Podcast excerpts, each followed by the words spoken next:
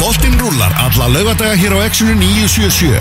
Rættið þjálfara, leikmenn og ýmsa sérfæðinga. Elvar Geir og Tómas Þór mæta með fótbolta.net á laugadagum millir 12 og 2.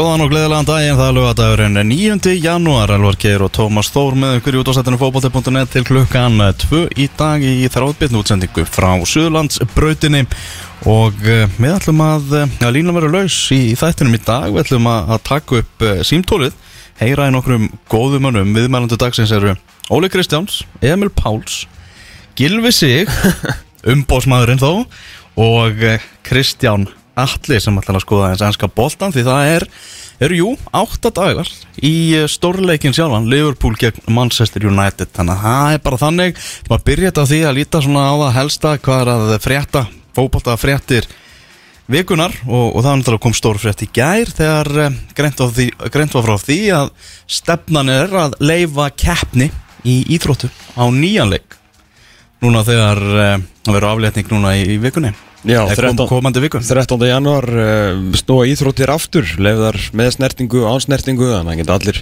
tæklað og knúsast hvort sem að þeir vilja og kannski verða bara að fara í sleik þú skorar Já. mark Já. um, jú, er það, veist, er það bannað eða?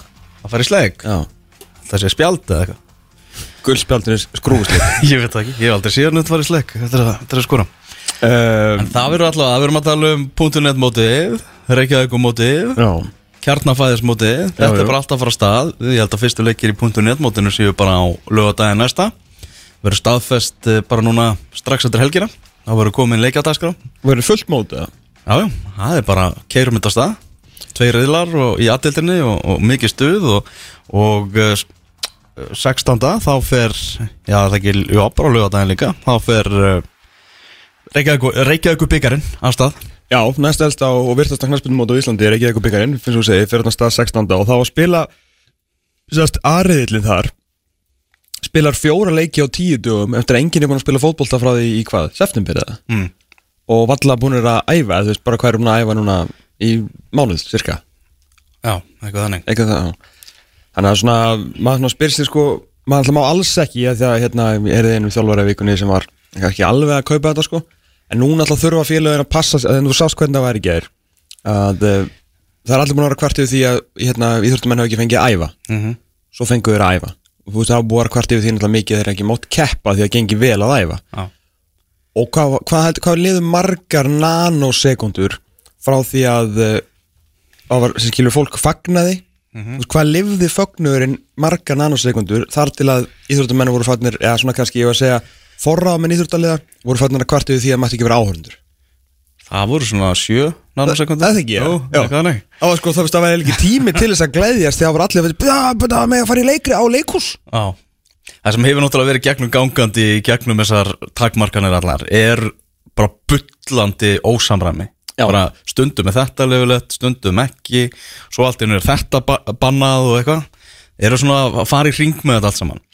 Og ég var að segja það, þú veist Reykjavíkumótið nú er verið að spila sko miklu flæri leiki í eigilsöldin þetta mótið er alltaf verið bara í eigilsöld sko. -hmm. og ekki mátt færa einu sinni þegar liðin hafa vilja að fara á sína velli því að knæspunur ráð Reykjavíkur er svona, jú gömul og virðinga verða stopnun Já, en nú er verið til dæmis að fara að spila Origo vellinum á hlýðarenda Mhm. Þú veist, með, með al, bara fjölmargra vallar sem hefur verið að spila á Mhm. Þú veist, utan dýra er að mæta einhverjir tugir manna á þessa leiki, sko Fullt, fullt af plássi Þú veist, ég sé ekki af hverju það ætti að vera að banna áhorfundur á þetta meðan þú veist að leifilegt að mæta í leikhús. Já, en þú veist, þú ver, það, það er samt ekki hægt á, á bara að leifa á Origo-vellinum eða? Nei, ég er bara að tala um bara alla vellina. Ég er bara að tala um uh, bara vellina Þannig að þú ert, sagt, þú ert eins og fólki sem ég var að tala um. Þú ert, Já, ég þú er ert svektur.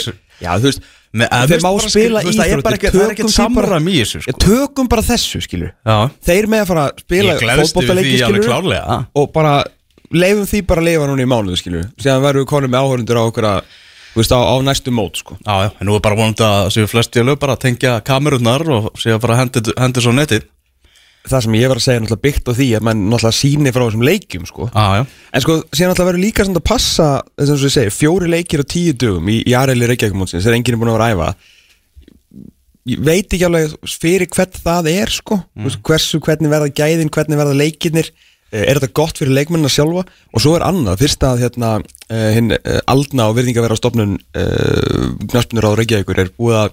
svona opna aðeins á þetta mót þar að segja má fara með það út fyrir húsinstyr má þá ekki líka vera að skoða það hvort að já, fjölga skipningun Já, ég get bara ofinbyrða það núna að þetta er það sem er búið að vera senda núna á, á fjöluðin í .netbúðuru mm.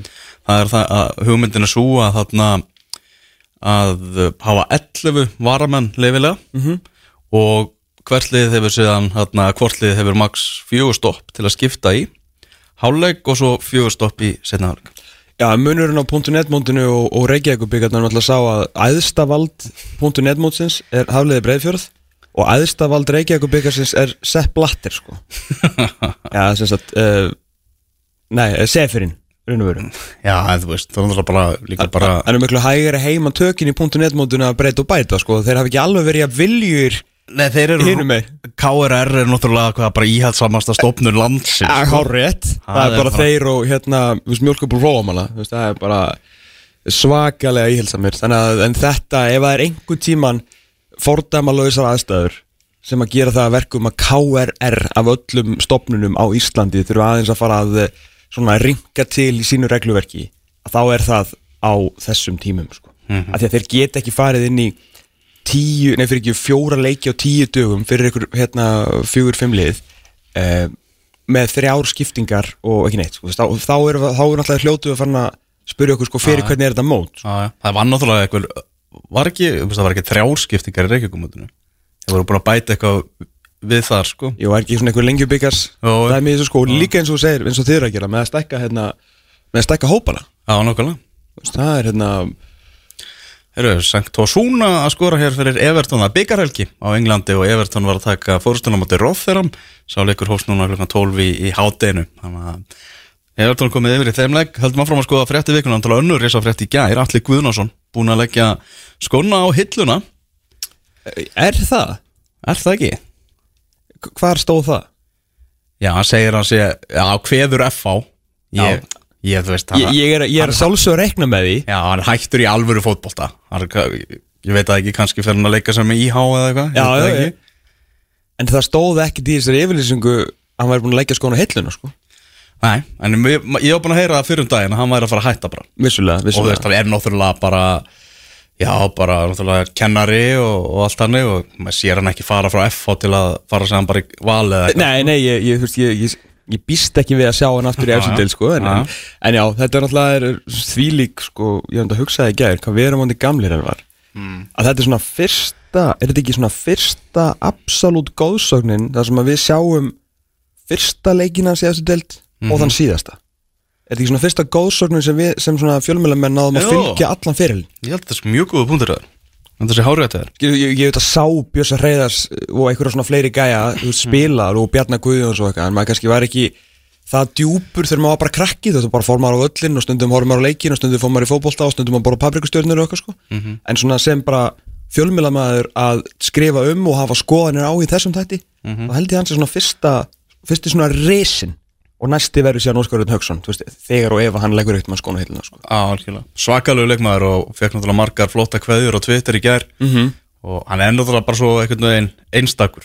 Hann er ekkert, við náðum að, að draga hann hérna í viðtal til okkar. Já þegar við setjum hann í, í lið áratöður eins og okkur, eða sérst já okkar áratöður Já, nákvæmlega, á fengu hann hérna í, í heimsókn og mjög skemmtilegt að spjalla við hann og hann alveg, þú veist, við talaði með hann um það að hann lætu bara verkinn talin á vellinum ekkert fyrir eitthvað svona fjölmjöla aðtikli eða neitt hannig, bara rosalega liðsmaður og við ætlum að heyra á eftir náttúrulega Jóla Kristjáns og, og Emil Pálssoni og fyrst að þeir verða nú á línunni en það fá þeirra sjálfsögur spurningu um Alla Gunnarsson eftir fréttunar í, í gerð maður sá líka bara þú veist í þessum myndbandi sem FH setti þetta eru staðrendi sem maður veit alveg en að sjá þar svona á prenti veist, sjöfaldur Íslandsmestari markahæsti leikmaður Íslandíka í Európa-kjapnum tvöfaldur byggamestari mm -hmm. two-time MVP sko.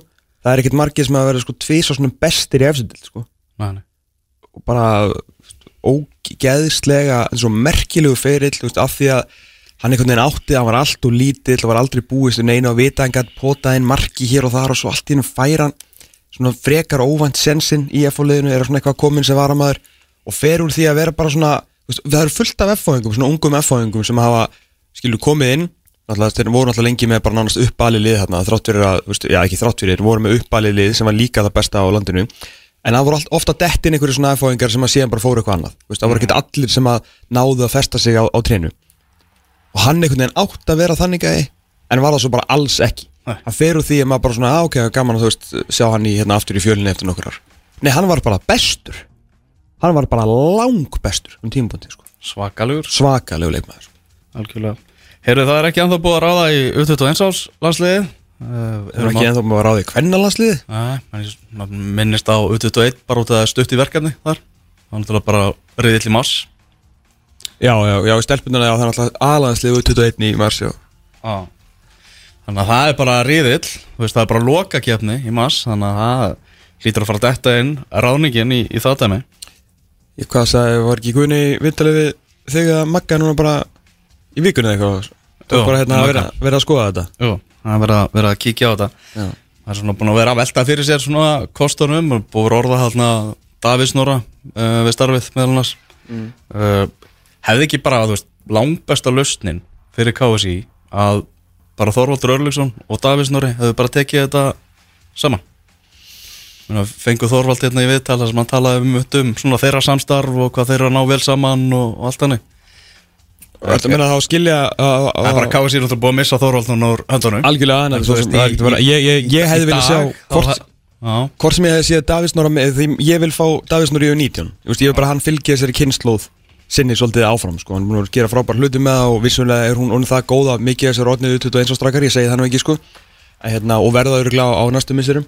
Þannig að eh, ég hérna mér hefði fundist Þorvaldur Ing- eh, hann er þetta frábær kostu líka, Frábær toppmaður að, hérna, að Totti hefði verið maðurinn fyrir 21 sko en náttúrulega, má ekki gráta bjöð bónda og, og allt það sko nei, nei, það er og, og seint allavega núna Já, það er orðað eins og sent, hann er farin í, í Garðabæin að- að vera aðstofþjálfur eða með þjálfur að það er sátt verið alveg bara frábær kostur sko. En hver er að fara að taka þetta?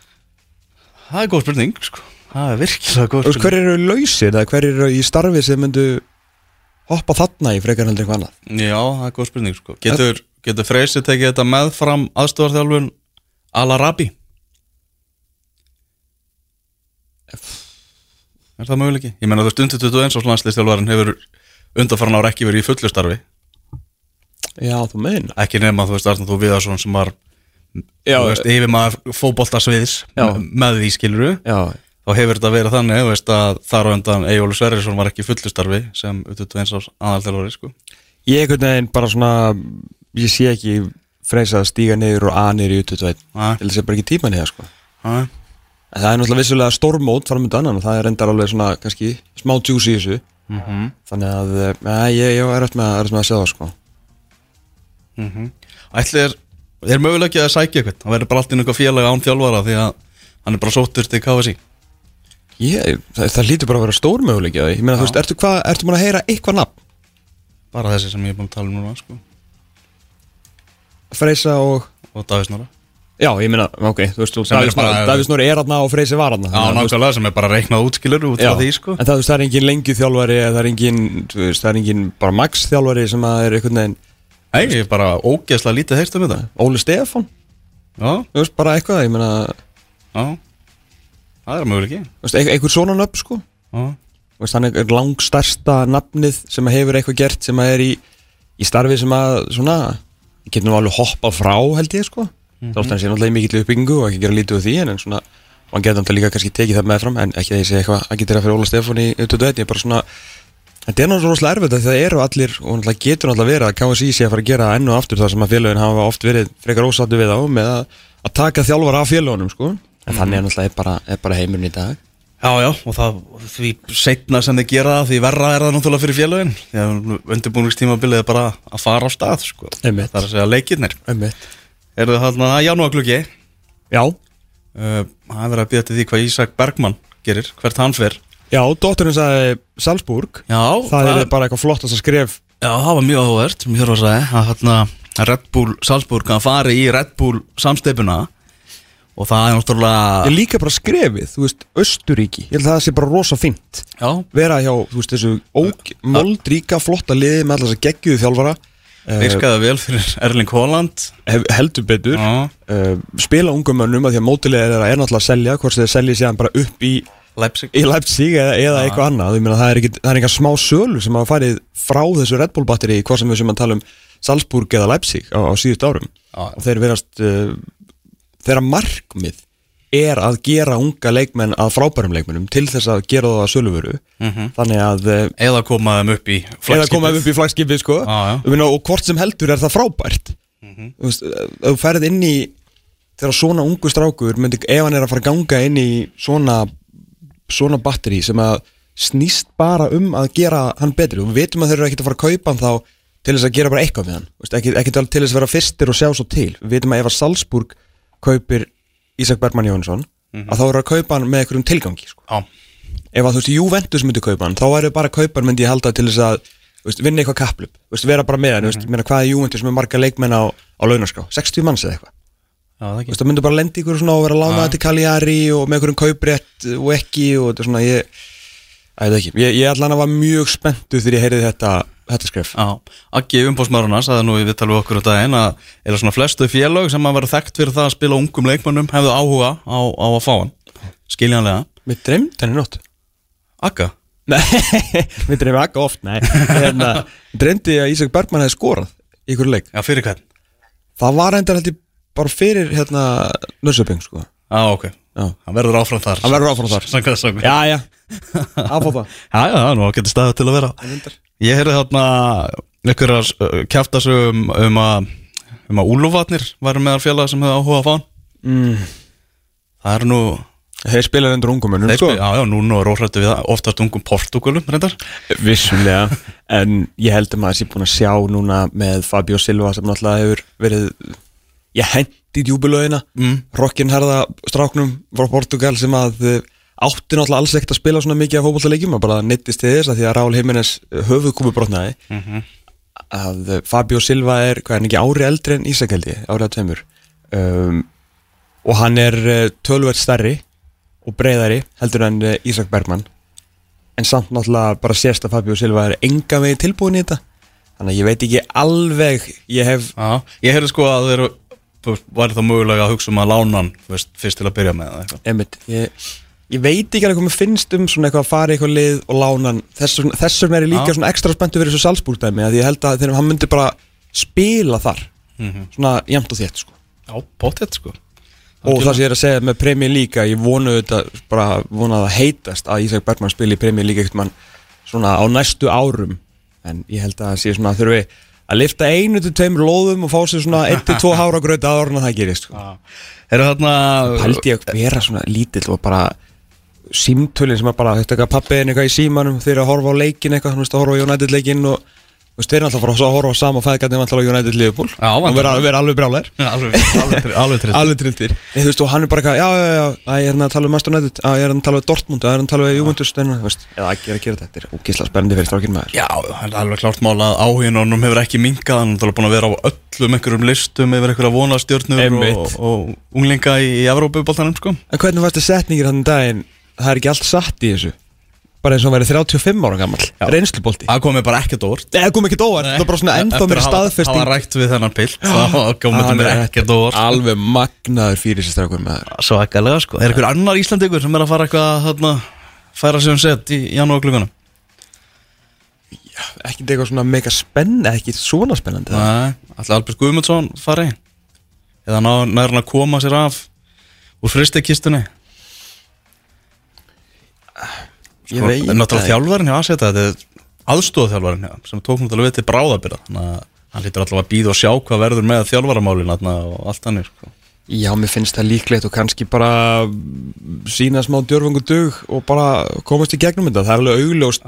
Veist, við erum ekki fábjánar. Við, það er alveg augljóst að drengurinn hefur hvort sem að það var eitt atvik eða tvö eða þrjú eitthvað röð atvik, það hefur eitthvað gerst sko, hann fer ekki úr byrjunarliðinu og ég fá engar mínútur bara út af því sko, Nei, nei, þjálfa, þjálfarinn talaði um svona attitude problem emitt og bara, þú veist ríðu bara þessu upp á því og ég meina, þú veist, það gekk vel og menna að vera að spila og komdu yfir aftur í lið og fara að skora sko. Að í burtu frá þessu bara, Loksins þegar maður held svona að maður er að fara að tengja saman eitthvað alvöru Það er náttúrulega langmest að svekkelsi alvöru kabla sko. Og var komin líka drúur og flottu kabli sko.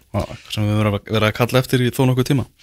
Heru, það er, já eins og sagðan, þá er hérna byggarhelgi, ég sá dúllurnar í Aston Villa á móti Liverpool í, gæðir oh. Þetta var eitt af krútlegasta sem að ég hef bara séð í langan, langan tíma sko.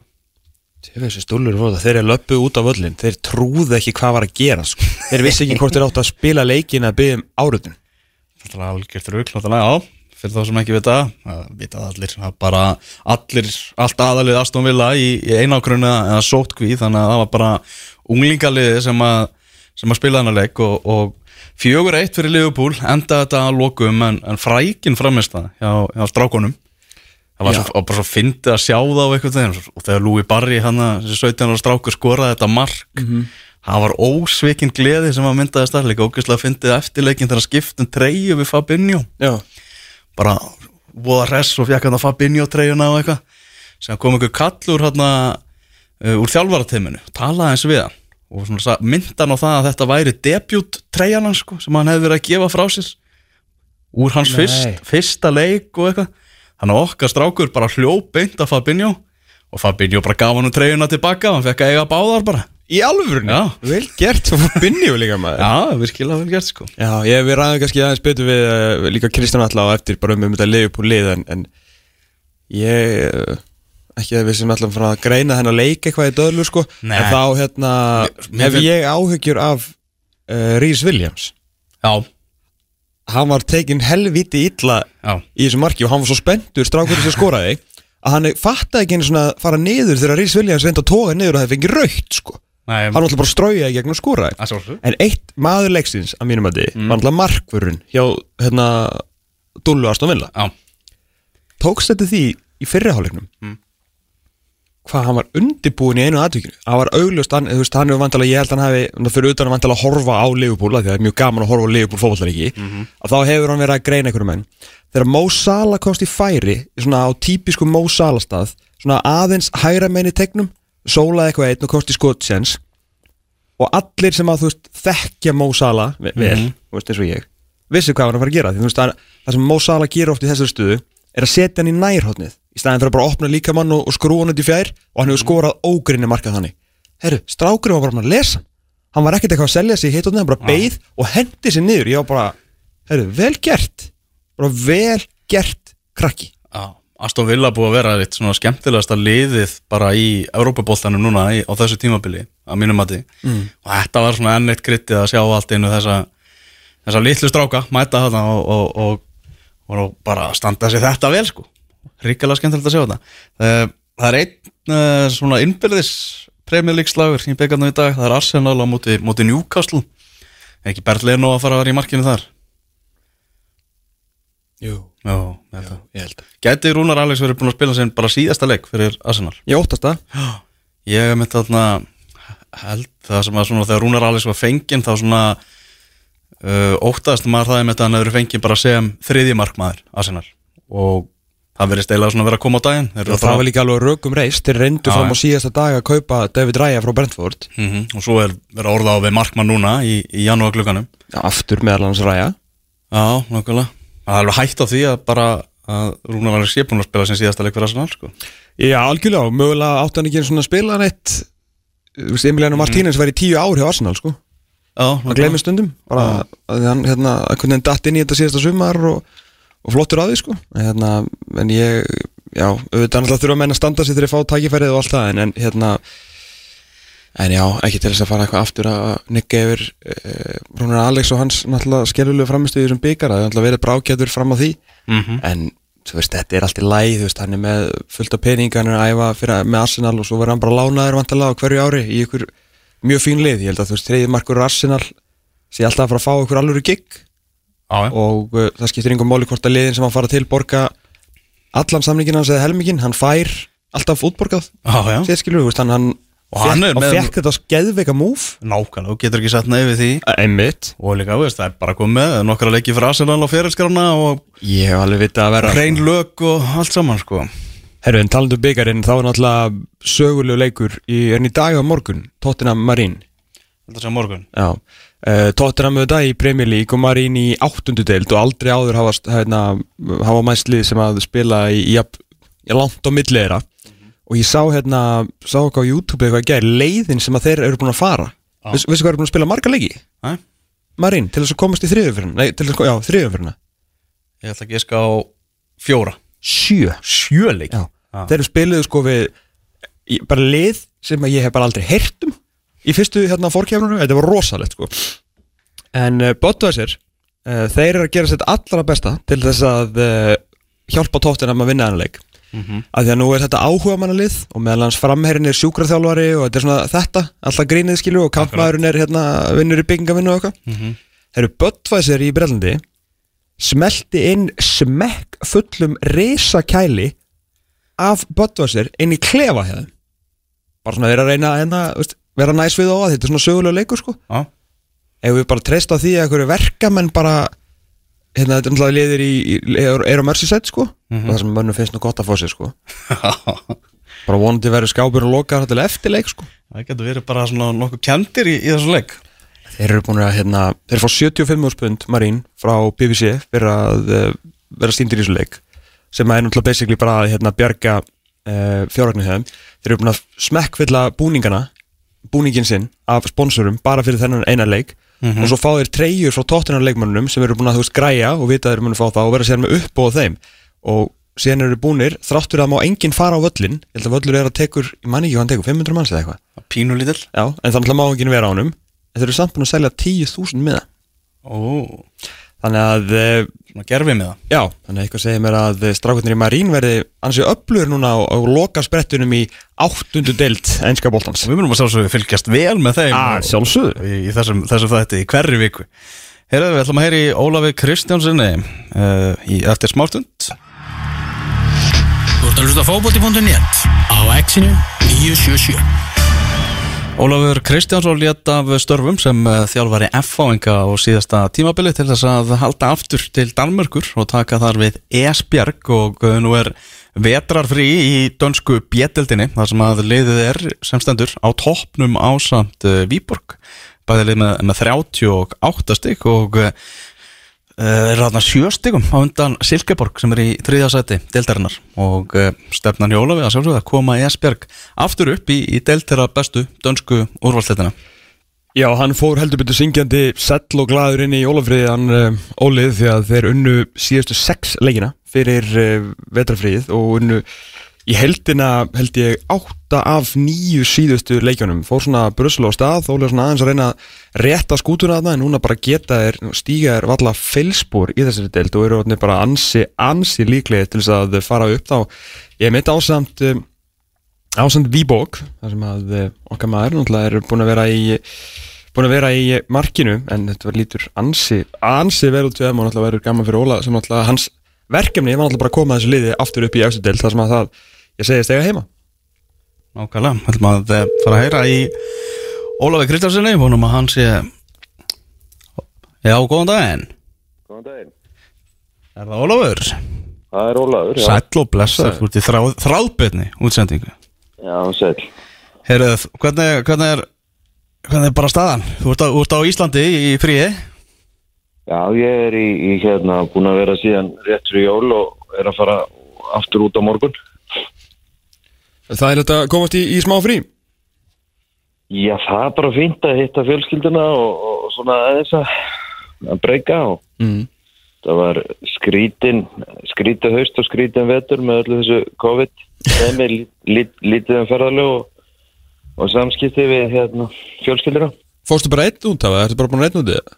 Já, ég fór einn núna í haust. Ok, ok Og hvernig er það búið að vera? Já, eins og segir náttúrulega meira bara svona þá meira bara á, á súmunu með, með konunni eða?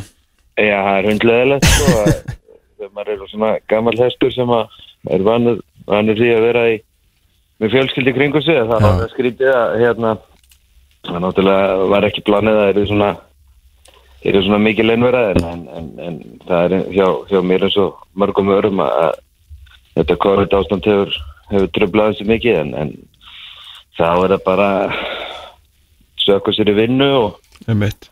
Og sinna öðrum, öðrum hugðaröfnum Já, nú ætla svona endur þetta fyrir vetarfríði alveg frábælega búin að vera á, á svona þvílíkum skriði. Hvað svona, ég geta að gengi eitthvað illa til að byrja með en svona aðeins kannski svona stópulari úslit hvað var svona í gangi kannski til að byrja með og, og svona hvað, hvaða, hvaða takt síðan funduði núna undir lokin?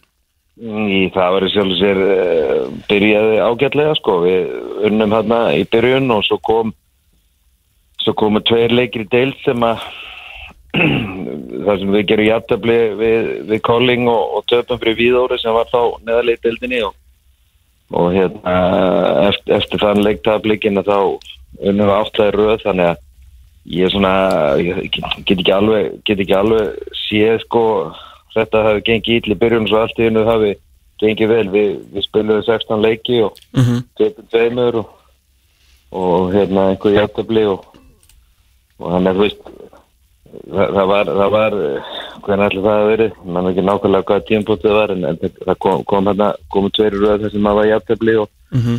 tvei játtabli minni mig Víborg sem eru eftir með okkur og, og, og svo þessi á móti bóttlegunum tveimur sem, að, sem að við högtum aðeins en en það er bara eins og með að við vorum kannski að leita liðinu svona í, í svolítið tíma uh, lið, svona með fóra þegar kemur í þjálfari og þannig sé nýr hópur að koma saman að þá fyrir menn bara að finna gott annan og, Mm -hmm.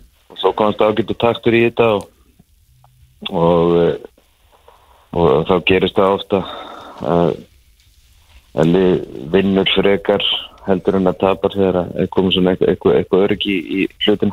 Já Er ekki, er ekki mikið pressa á, á þér og ykkur að, klára þetta dæmi? Ég meina, er þetta ekki, veist, það stór klúbbur? Er þetta ekki svona klúbbur sem að á, ég veit náttúrulega við notum þetta mörglið hérna heima, á og ekki á að vera í efstild, en er það ekki svolítið með, með Esbjörga? Þetta er svona allavega svona úrvastildar kaliber klúbbur.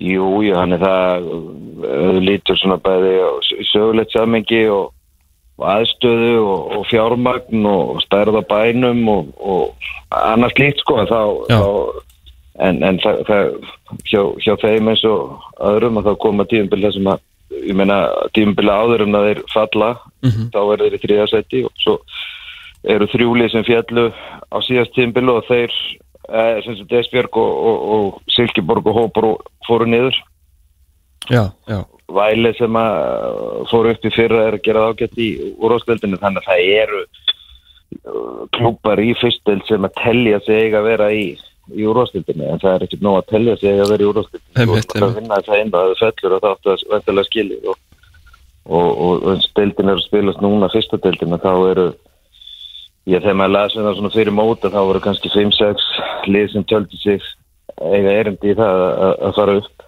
Já, já. og þannig að pressa, jú, það, það er alltaf pressa.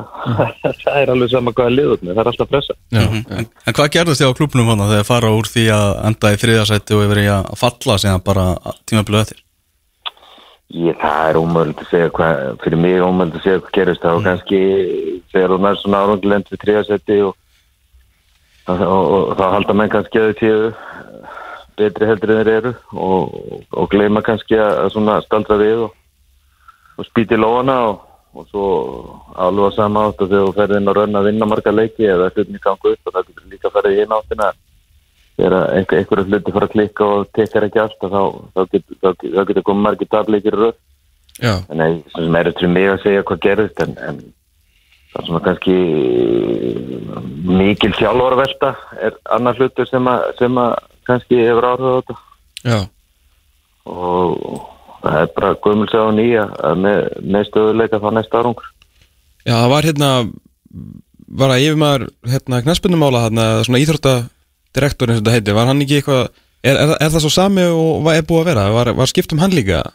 Nei, nei, hann er búin að vera þarna í svolítið tíma. Ok, ok, það var, það var sem sagt það var sem sagt þannig að e, það var hollendingum með liðið þarna þegar lendi þriðasetti Já, og uh, síðan er hann uh, látin fara uh, og Lars Olsen sem er færingan tekur við. Mhm, hann stoppar svo og þá tekur við Tróels Beck sem var hjá Bröndi uh, hérna sportdirektor og hefur þjálfað mikið í Danmarku og þá var hann að reyna að halda, halda, halda liðinu upp í úrústildinu hún í voru það gekk ekki og þannig að það að það var með þrý þjálfara pluss eitt sem var svona í, í hérna eh, svo sem er aðstæða þjálfari mér sem tók liðið sem tímbundi þannig að það voru fjóru þjálfarar á, á tímundeli þannig að það er svona svolítið mikið mikið velta Já, svakalegt okay. En svona ró í kringum allt núna og náttúrulega allt, allt náttúrulega líður öllum vel á meðan að vera að vinna fótbollaleiki þannig að bara svona það er rétt vinna um hverju núna Já, já, það er, það er náttúrulega var alveg ljóst að held ég að þeir gerur sér grein fyrir því að, að það þyrfti að að komast ákveðin róa á, á þessi mál og, og hópin og, og leikmannamál og annað og, og þetta er þannig að ég hef skitið í degið í, í, í byrjun að þá hafði ekki verið neinn ró. Nei, nei, Og- nei, nei. og það er náttúrulega það, hjálp, það hjálpar ef að leiki vinnast en, en, en ég ætla að vona og held kannski að þeir hafi séð að, að hérna vinnubröðin og svona kemistri að milli leikmanna og þjálfarteims og annað hefur í finnulegi og, og hérna en maður veit svo sem aldrei í þessum í þessum bolta.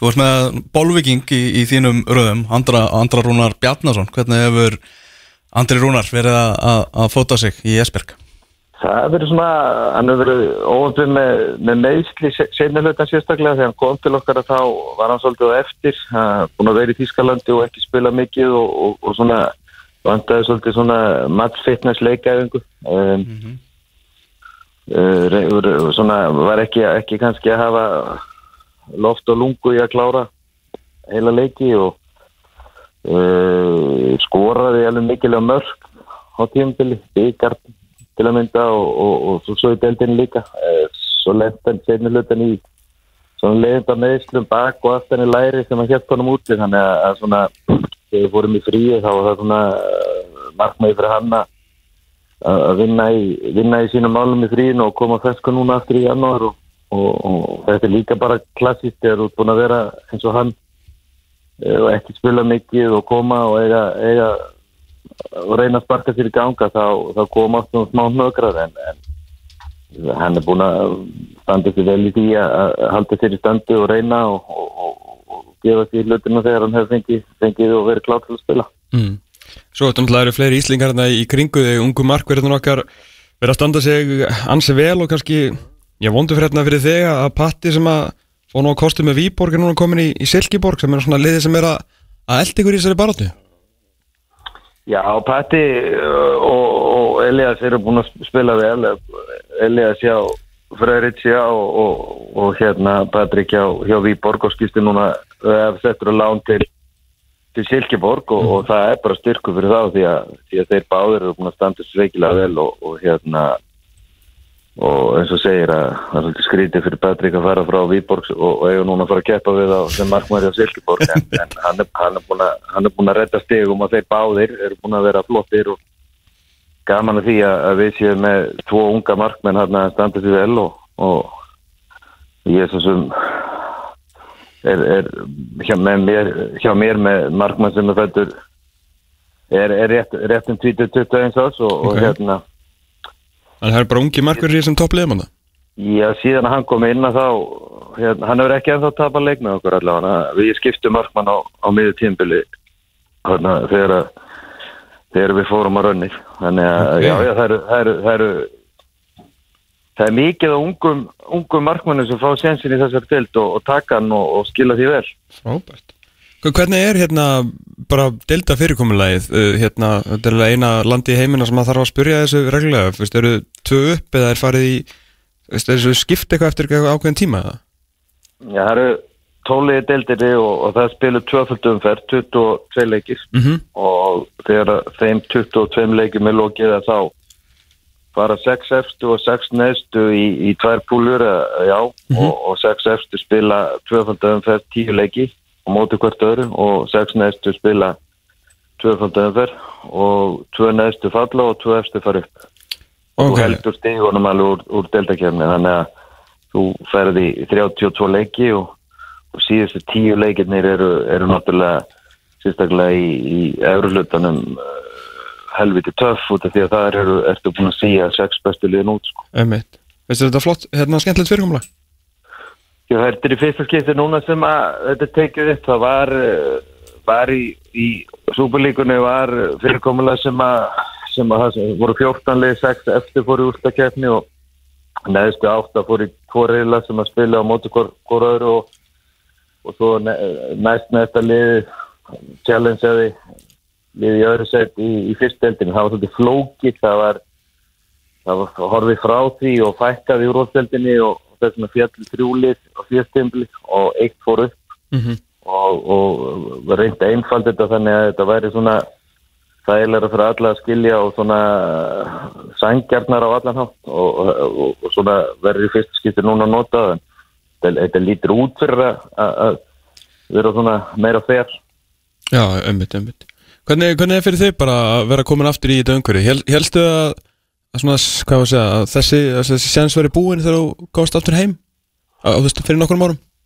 mm, ég hef svo sem pældi ekki í því ég er bara á því tímbili þegar ég kem hana heim frá frá Rannes og þá var ég svo sem ekkert leiðinu, leiðinu heim uh, tek við FH uh, reyna að gera það eins og ég get og, og svo, svo dúka þetta upp bara í, í sumar og, og mér fannst kannski bara uh, ég, þegar ég svona hlutina neður fyrir mér að þetta væri eitthvað sem að mig langaði aftur og, og hoppa á það. Þannig að ég svo sem vil sem bara mikilvægt að maður sé ekkert með eitthvað eitthvað fyririldi manu sem er að að reyna að tóa mann eitthvað annað bara og sé eins og eðalegur það sem maður er hverju sinni og svo ef það kemur eitthvað þá gerist það og ef ekki þá, þá var það bara þannig. Erum smá, náttúrulega smá, reysafæriðir hérna heima í, í gær þegar að, eh, ég veit svo besti sem að allan ég og Elvar höfum séð í, í deildinu okkar.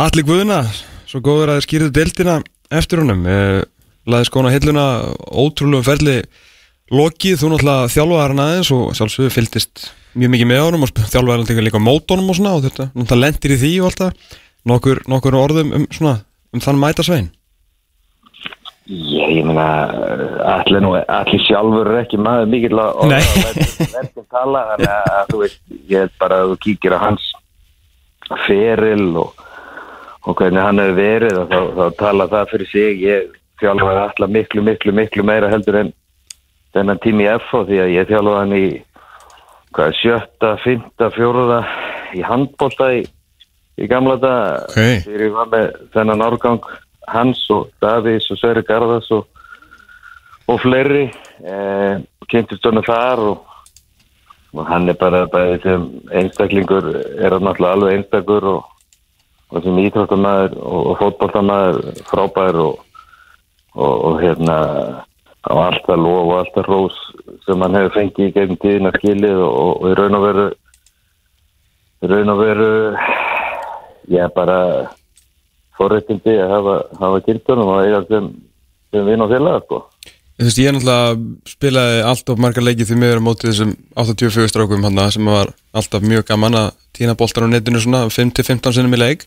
Og maður vissi náttúrulega alltaf, þú veist, maður sá Sverri, maður sá Davíð, Emil, þú veist, maður maður vissi alveg að þessir menn er eitthvað. Og þrátt fyrir að allir skora alltaf svona 5 í leik þá var þetta kannski ekki maðurinn sem maður myndi búast við að myndi eiga þennan fyrir, þú veist, ertu þú veist, sammála því, þú veist, vissur dattir í hugan myndi eiga þennan kalibara ferlið þú veist að þjálfa þegar var bara úlingur Mm, já, hann var alltaf alltaf góður í íþróttum og, og klókur og, og sá, svona hluti bæði handbótt og fótbótt sem aðri kannski sá ekki. Hann, hann kannski þroskast aðeins setna og svona, þú veist, í, í fysikal og annað. Mhm. og fer á lán og, og það var lengi vel þegar hann var komin á miðjan fyrir ítur aldur talaði minn unga þú veist, hann, hann var aldrei að láta held ég það neitt trubla sig og hjálp bara sínu og, og svo þegar maður fer kannski að tjálfan eins og, eins og ég gerði þessi tæpu þrjú ár og hafa hann á æfingu manna þá sá maður bara hversu óbúðslega klókur og, og góður leikmaður hann var og, og, og hérna ég sem veit ekki ég, ég, ég, ég, ég er margir sem geta litið til hans ferils og svona hvernig hann braust í gegnum kannski það að vera ekki á, á sem, sem í kringu tvítut með beina greiða leiðinni lið en, en, en bara hjælt áfram og, Mhm. og, og stendur uppi sem bara með þau eftirmæli sem hann fær. Nákvæmlega. Óla Kristinsson, bara hjartast takki fyrir að taka síma alltaf gaman að hérna, heyri þér og bara gangi ykkur vel í, í framhaldinu í klá, klára þetta mót. Takk fyrir það sömulegis, takk. Heyri svo, bye bye Þú ert að hlusta á fókbalti.net á X977 Helva Geir og Tómas Þór með ykkur til klukkan 2 í dag og við ætlum að fara að vinda okkur yfir í næsta viðmælanda sem er Emil Pálsson. Við ætlum að fara að eh, heyra í honum. Já, einn af uh, já, fjölmörgum frábærum erfæðingum sem við höfum séð í þessari ágætu deltokkan þetta var náður og átti þetta undra að vera tímbil 2015 þegar hann tókst að vera besti maðurinn í tveimur fótballaliðum, bæði fjölni og FA og var síðan á er enda bara lokahófi FA, ekki á lokahófi KSI þegar búið að slaufa því. Eh, kjörinn besti leikmaður Íslandsmótsins var síðan aftur Íslandsmestari með þeim 2016 spilaði deildinni 2017 og hefur síðan þá verið í Sannifjörd fór þangað þegar þeir voru úrvallega leið fjall með þeim og fór aftur upp. Og þeir heldur síðan sæti sínu og Emil ekki ja, lengur þar. Já, já, það skal ég segja ykkur. Hanna kemur þetta Hanna kemur Já, já, já, já. Fýlíkt og annað eins. Þetta er nú ekki nefn að tólta árið okkur einn undanfunni og það er aldrei að veitir að við lærum á takana Við náðum að fara hérna algjöra krísu í ykkur leið til að ná að, að koma þessu hérna í lofti Ég skil ekki ennþá hvað, ég gerði en einhvern veginn náðum þessu. Allavega, allavega er Gott að þetta síntal verði þess verið Ég er nákvæmlega, það er svolítið undir þér komin þetta Já, það liggur mikið að minnuna. Ákvæmlega er svona slökk og ACDC alveg eða? ekki fint af það undir svona sem var? Það er reyndar, Ég er til að hafa það undir sko. Já, fínasta lag sko En á línunni, loksins, er eh, Emil Pálsson sem samkvæmt Sokkervei uh, Emil, ég veit ekki hvort þú vissir þetta en þá ertu Dani, fættur í Árósum Já, ég fættur í árusum, það er rétt sko En ég veit ekki hvort það sé að þetta geti kallað mig Dana Nei, mitt, það er það er þetta bara country of birth, sko, dermar, sko En ég er nefnilega oft lendi að sjá danska fánan þegar nafnum mitt byrstir upp á konar stöðum sko. Þegar erum það geta bara það sem úr fættur, þú ert bara þaðan sko. Já, þú bara kemst ekki tjá því en Nei. nei við skulum halda þess samt bara svona sem Íslending Herru, hérna, hvað segir um, um tímabili sem, að, sem leið? Sannifjörð, uh, lélasta fótballtalið mannkynnsögunar uh, sögðu gárangarnir á leiðinni í mótið en, en það var, voru ekki alveg svo lélegir? Nei, við náðum að tróða ákveðinu sokkan upp í allavega einn á aðal expertunum í norsku deildinni. Hver á það? Hann talaði stund, hann talaði, hann heiti Jóakim Jónsson Þetta er bara Eurosport Ok, gæinn, aðal Eurosport gæinn. Og hann hendi þess að ég þess að sleggju fyrir tíðanbíl að, að við varum lélegast í hópur sem að henni verið í deildinni á þessari öld, skil, eða bara frá 2000 wow þannig að þetta var í rauninni bara besta motivation held ég sem að liði gætt fengja því að það var bara prentað út mynda þessu þessu kvóti og hengt upp í klefunum og, og teikna alls konar djöfla hotn og eitthvað á, á gæjan og þannig hafum við bara tróðað sokku upp í hann á sísoninu sko og, og bara gerðum helviti vel sko vorum í rauninni aldrei aldrei nált í að falla og vorum lengi bara með að dild sko endum síðan í 11. seti strefum stíðum fróðan En hafði hann uh, á þessum tímbúti hafði hann eitthvað til síns máls? Þú veist, þannig skilur, voru þið svona björnsinni? Já, já, úst, ef þú horfður yfir hópin fyrir tímanbílskinu þá Já. úst, var maður ekkert eitthvað ótrúlega hissa á því að hann myndi segja þetta skinu Nei, nei, nei. það hefur verið stóru orð Nei, en sleggja var kannski helvitið þung Já, en þú veist, síðan bara ég held að við unni svolítið með okkur líka bara úst, allt COVID-dæmið skilur það var ekki af góður undirbúningur fyrir lið og vanalega og síðan bara náðum við að byrja vel unnum fyrsta leika móti 8 á útivelli sem að veist, er eitt af svona topp 5 leðunum þannig að ég held að við náða að veist, fá sjálfströst bara snemma í mótinu og, og náðum bara að halda í gegn sko. Já, já, já, einmitt, einmitt Og þú sjálfur sáttu með, með þig? Já, bara náða að spila mikið og, og var, veist, var að fyrir lið og fyrir liðin okkar er 37 ára þannig að ég vissi að ég myndi alltaf vera að fara að fá leiki hann var ekki að fara að spila veist, alla leiki tímafyrst þannig náða, náða að spila einhverja 6-7 leiki held ég sem fyrir lið þannig að bara mjög ánægð með það sko, bara mjög ánægð með mína framistöðu tímafylgin það eru gott tímafylg, það er persónulega og hjá liðin sko. Já Er þetta ekki þitt svona besta af þessum, af þessum þremmurum eða allan að langflesti leikirnir? Jú, fyrsta tímafylgin þá var ég svolítið hásin á vandamálum Mm -hmm. fyrirleituna tímabilið en náðu svona að spila úst, síðustu átján leikina eitthvað svoleiðis og svo náttúrulega sleitjum mér hásina eftir það tímabil þannig ég mista vel öllu 2019 Einmitt, einmitt og það var bara mjög stert fyrir mér passulega að ná að spila þetta úst, allt þetta tímabil og vera laus við meðsli eiginlega allan tíman sko. Já, eftir svona lungum meðsli það hafa verið það var svona eitt af það sem ég var að hugsa fyrir tímabilið og það gekk upp sko. Er, er Jókin frendi búin að sína ykkur öðmygt og byrja ykkur afsökunar eða segja að þú veist, hann hafði rámt fyrir sér eða? hann stila bæði sjálfvarinn okkar, hann er svona ágætlega virkur á Twitter. Ok, og, og hann sagði þess að líka í einhverju viðtali að í einhverjum þætti að hann ætla að tattúera á sig hval ef við myndum halda okkur uppi. Fyrir tíðanféln Jóakim? Bærin sem að, sem að við erum í er skilur eitthvað svona hvala hvala bær skilur Jó, alltaf líka vel við Sandefjörd, ég vissi þannig að strax eftir leikin sem að við heldum okkur uppi þá sendi þjálfarinn sem sett á eða sett hann sem sett fæsla á Twitter þar sem hann var með þrjár myndir af stremur mismunandi kvölum. Og spurði hann hvernig af þeim hann ætlaði að taka þér á. Sig það var, það var heldur gott það er alltaf gaman að einhver svona smá bífi og svona, svona komment náttúrulega bara hella olja á eldin sko. Emmitt, emmitt, já, frábært maður. En hérna, þú ætlum ekki að vera áfram í, í Sandefjörd Nei, ég held að þessi komin tíma að- að prófa eitthvað nýtt fyrir mig sko, ég er búin að vera hann í þrjú ár og Samlingum bara renn út eða, eða riftur eða? já, sam, samningurinn er runnin út. Ok, og stjálfarnir er að hætta. Það er mikið af mikið af breytingum á liðin, ég held að við verið sko 12 eða 13 leikminn sem vorum að renna út og stærsti hluti af þeim allir ekki að vera áfram. Þannig að ég sá einhvern veginn bara svona mér leist ekki alveg 100% vel á hvað var að fara að þarna, þannig að ég hugsa að það væri svona tími fyrir mig að prófa eitthvað nýtt sko. ok, og hvað hérna, hvað er þetta að hugsa? Hvað, veist, áfram í er að Elisirinn eða Skandinavia, eitthvað meginlandið, heim? það er bara allt opið eins og staðan hjá mig núna sko. Ok, það er eiginlega búið að vera svona veist, ég er ekki að loka á neitt en að sjálfsögðu er hugurinn alltaf úti og maður langar að halda áfram þar sko, ég tel mig fyllt erindi í það að spila í Skandinavi þannig að ég ætla bara að nota janúar í að skoða með mínum umbásmanni hvað ég geri og svo bara skoða hvað kemur upp og að taka á því þá sko. já Hverju ringdu frá Val og FH? Ah, það er lítið, ég get lítið farið út í það sko. Ok, en, þið langar að vera, ég meina 27 ára besta tímbilið til atvinnumennsku, ég meina það væri það er ekki óþar að vera að koma heim núna, sko þú veist ekki miskilið mig, við erum til í að fá þig en svona, alveg, þetta, maður, maður er svona þetta á, á besta aldur sem með miðmaður og, og mér líður ekki svo ég sé tilbúin að koma heim akkurat þessum tímapunkti sko. Nei, e, veist, er eitthvað þreyfingar, eitthvað áhugið, þú veist, sér alveg möguleika að vera áfram útið það? Já, klálega möguleiki sko Ok, og, flott. en svo er náttúrulega líka bara COVID og þú veist, markaðurinn er allt öðruvísi núna heldur en hann er vanalega Auðvitað. það eru fleiri lið sem er að halda peningunum svona svolítið að sér en ég myndi halda að ætti að vinna með mann allavega að maður sé frýr sko þannig að þetta bara er að koma í ljós sko. Ég er ekki með, ekki með neitt 100% þess að er sko en það er alls konar áhugi þannig að maður bara býður eftir að það snúist upp í einhver tilbús Emitt.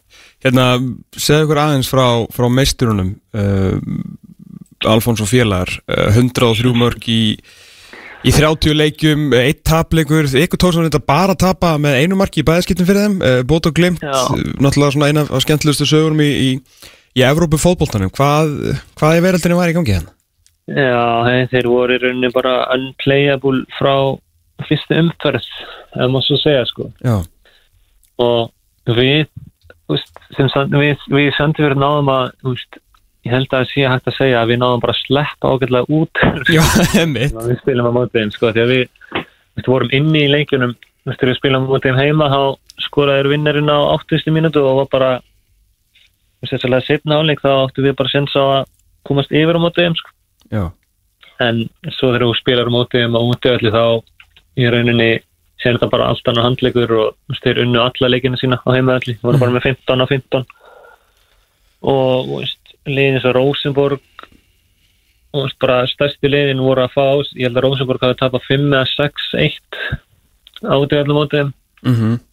Og það var eitt lið sem var búið að vera þvílíkur önni, var búið að vinna held í 5 eða 6 í röð og fór svo hann upp til og þau töpu 5-0 sko.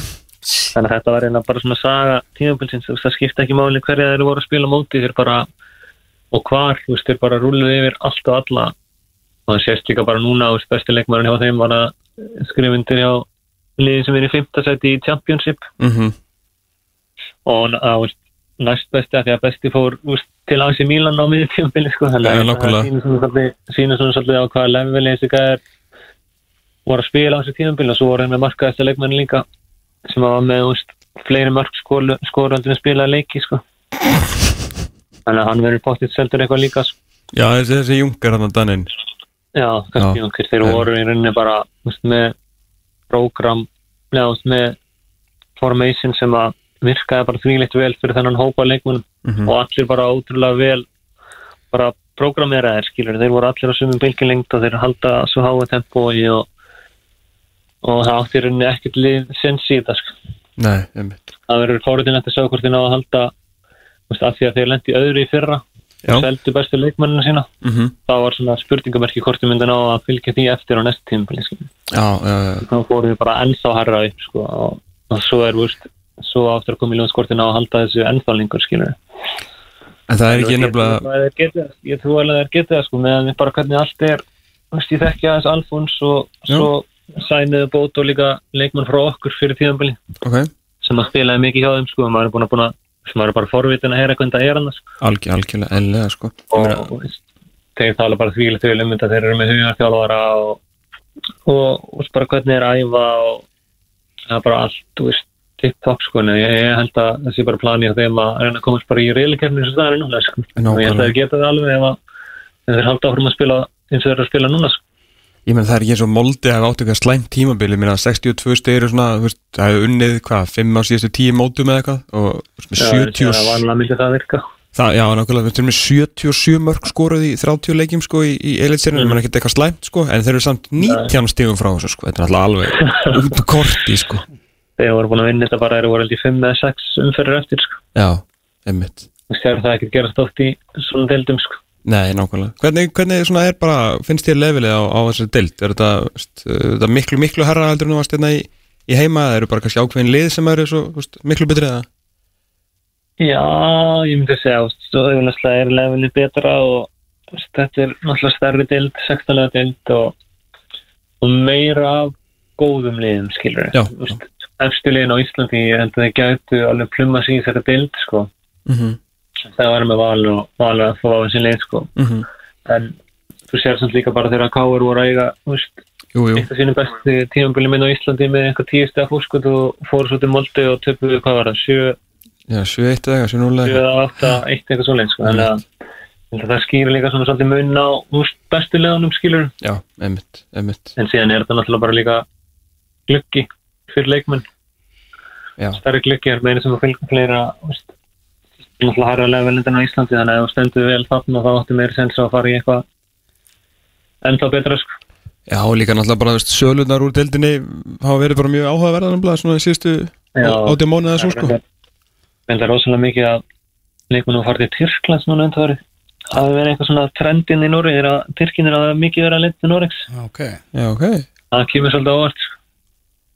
en ég held að menn sé bara alltaf peninga þar sko. Vissulega, vissulega Heru, það, voru, voru stóra fréttir hérna í gær, uh, Emil, þegar að uh, já, risa leikmaður, reyndar ekki risa stór en, en, risa stóri í hjörtum okkar allra, uh, Alli Guðnarsson laði skóna á hilluna eftir vægasagt glæstan feril þú varst nú að spila með honum þegar hann var nú upp á sitt allra, allra, allra besta og þú nú reynda líka svona nokkur orðum um, um alla, hvað hva lærið af kennarunum?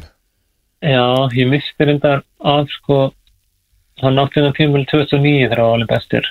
Þá var ég ekki komin en síðan, síðan spilaði ég með honum sjö tímambil og það er bara hægt að tala endalist um allaki þú veist, þú sér þennan gæja og á velli og þá er enginn að fara að búast við í útvislega séð að hann sé að fara að gera það sem hann er að fara að gera en, en í rauninni er þetta bara ég held ég er ekki frá því að þetta sé bara tóttir í besta leikmaður sem ég hef allt að spila með bara í gegnum fyrirlind sko. Já, ég sem mjög öðvöld að trúa því. En hvað, Og hvað gera á svona góða? ég er bara hausin á honum sko. Hann er með svo ógeðslega góðan leikskilning og ótrúlega góða ákvarðanum tökur á boltan hann verður alltaf rétt á optionin og, og það er þetta er bara eitthvað sem að þú getur henni ekki kent þetta er bara eitthvað svona talent sem að þú hefur annarkvært hefur hann eða ekki. Já, sem kreatív leikmaður skilur og hann bara hafði þetta upp á upp á tíu sko og bara algjör unin að spila með honum sko. minn, minn leikur snýrast yfirleitt bara um að fá boltan á miðinni og svissa honum út á alla og láta hann síðan bara sjá um rest já men, spara orkuna bara og fylgjast með já, bara njóta þess á vellinum bara fremsta bekk sko. Sko, Hérna, hann alltaf eins og allir vita ekki mikið fyrir svisljósið og bara versta sem hann lendir í er að lenda í, í viðtal eftir leik en það voru nú ekki mörg þráttur að hafa þáttur hann hafa nú áttu mörg skilið en hann var nú held ég manna sáttastu með það. Á æfingum, þú veist, er hann líka svona þú veist, introvert, þú veist, er hann líka að láta verkinn tala þar bara með fótunum eða er hann þar svona aðeins að láta heyri í sér, skilju Nei, það þarf rosalega mikið til að þú fáir allar guðinu til að æsa sig sko. Já, þú veist, hann er ekki það einu svona að kenna ungum þú veist, hann bara, bara gerir það sem ég er að gera hérna alveg, klálega veist, gefur mikið af sér og, Já, já, já. og er, að- er að kenna leikmunum en veist, En engin æsingur er engin, engin æsingur sko, hann Nei. bara valsar hann um og svo fær hann boltan og annarkvar klínir hann um í saman eða setur hann ekki inn og klóða einhverjum sem stungusendingu sko. Já, já, Það lýsir alltaf ekki bara best. já, ég er ekki frá þessi Það er bara algjör topp- toppmaður út af allar og ég er bara mjög gladur að hann hafi spilað svona lengi.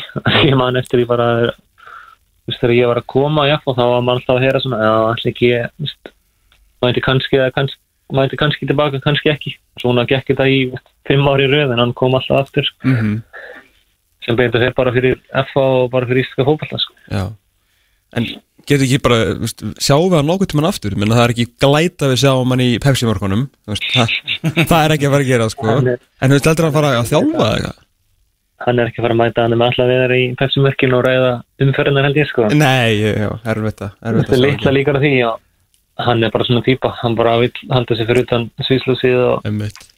en allir alveg með þjálfara heila sko og Maður myndir bara að halda það með hvernig talaðum kemur hann, ekkert sko óvart það kemur ekkert óvart ef hann færi inn í eitthvað svona þú veist, tengt því sko en að vera það var bara eftir að koma í ljós sko Já Var hann ekki, var ekki hann sem var að borða fiskinn þegar þau eru sofamestrar? Það var bara svona eitthvað sem að lísti alla bara best í heimi. Ég var bara eitthvað fjölskyldunum að borða fisk. Hann hefur verið búin að sjóða sín einhverja ísu þarna Einmitt. Það er ekki eins og verið að horfa á leikinn sem var í gangi sko. Nei, séns. Hann er búin að vinna svo marga titla að þetta var bara Alltaf drópi svo. hafi fyrir hann. Nákvæmlega. Emil, bara þú á fulla hérna, finnaði lið og bara vonandi gengur það vel. Bara takk hérlega fyrir að spjalla við okkur og hérna bara njóttu dagsins. Takk fyrir það, Heyrjustunur, bye bye takk fyrir það, bye bye Það held ég, Emil Pálsson hann á línni, hann er ekki að er ekki efst á óskalistunum hans að- snúa heim, en það er alveg klárt mála að stærstu, stærstu félagin hérna heim eru búin að hafa samband við hann. Já, eins og sannarlega sko. Hann er fættur í Árósum Það er skemmtur, ég held að væri fættur á Ísafirði sko. Já, nákvæmlega. Heyrðu, ef ekki að um, henda okkur í, í næsta viðmálanda Jú, heyrðu það, bara það er skann stóra að sökka á myndlið, það náttúrulega er uh, þannig að, já, Gilvi Sigursson þó ekki Gilvi Sigursson, þetta er Gilvi Sigursson umbóðsmaðurinn hjá uh, Stellar Nordic uh, er náttúrulega búin að taka svona upp á arman sína já, umbóðsmennsku fyrir já, stelpur meira, íslensku stelpunar sem að eru nú að ég fara í rönnum uh, erlendis. Og við ætlum aðeins að fræðast meira um já, um þetta og hvernig það er að já, umbað þessar stelpur okkar og þannig heim. En á línni er uh, Gilvi Sigursson umbóðsmaðurinn, þarf vist að að segja þetta. Gilvi heil og sæl hvernig er að vera allafni þess, þess besta og þú eru alltaf svona Þetta ekki mæntalega fengið nokkuð skilabóð og svona einhver menn svona á Twitter í gegnum tíðina að menna verið röglastaður? Jú, það er aðeins verið eitthvað aðeins um það. Já, Það var svona, það var svona, svolítið mikið að það, að fyrir nokkrum árum, það fekk maður að að Já, já, já, það var ekkert verið sig, sko. Hann, maður fekk líka mikið hrós þegar að hann var að gera vel. Þannig verið svolítið mikið meira í því, sko. Að En þú verið fínt að bera þetta fína nafn já, mjög. Já, hefur þú hérna, hérna alltaf umbóðsmaður og, og hérna ert inn í, í stellar með, með akka á þeim uh, hérna, varst náttúrulega er búin kannski búin að taka hvað meira upp á armaðina núna svona, uh, með öðrum verkefnum að, að sjá svolítið um, um, um stelpunar eða ekki Jú, hvernig svona, hvernig svona kom það til og svona hver er pælingi með, með þessu?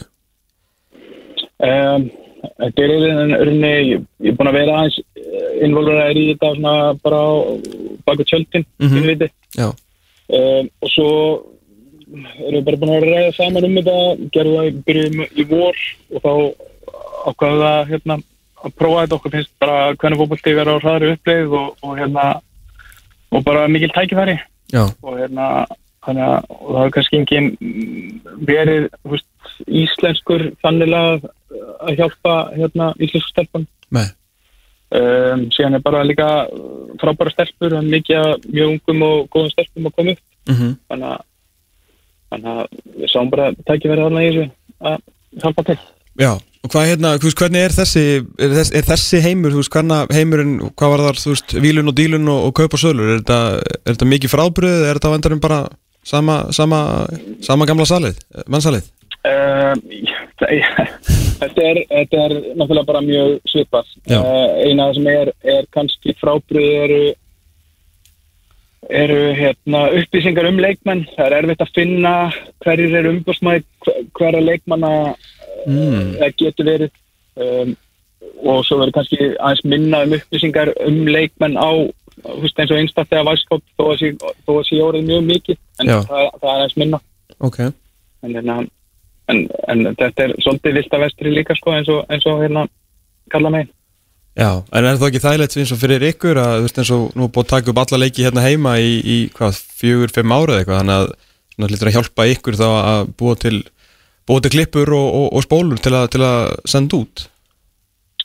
Já, það hefur verið, það hefur hjálpað mjög mikið til og, og, og hérna og það er mikið til að leikjum, þú veist, bæði eh, yngri landsliðum og, aðlandsliðum og náttúrulega þetta er allt komið minn Já.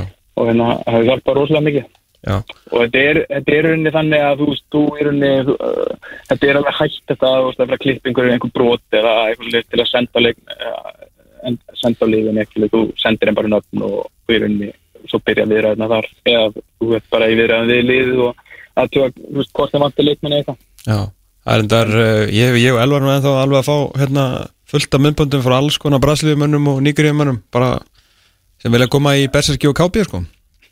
Já, það er alveg, það er alveg, maður fær alveg svoleiðis kannski 20-30 e-mail á dag en þau eru bara að lenda svolítið í, Í spamminu. já, En hérna, en hvernig, sem stendur eins og með Svendis, eh, Svendisi Jane núna, uh, ótrúlega svona, svona geggja múf, bara Ísland, uh, Wolfsburg með, með hérna, með þetta stoppi í, í, í Kristjánstad. Hvernig svona, hvernig, hvernig var bara, var farið gegnum enn díl? Er þetta ekki svona það stærsta sem við hefum gert hérna svona frá Íslandi og út? eða? um, jú, líklega uh, hvernig megin, en já, já, líklega er það Já.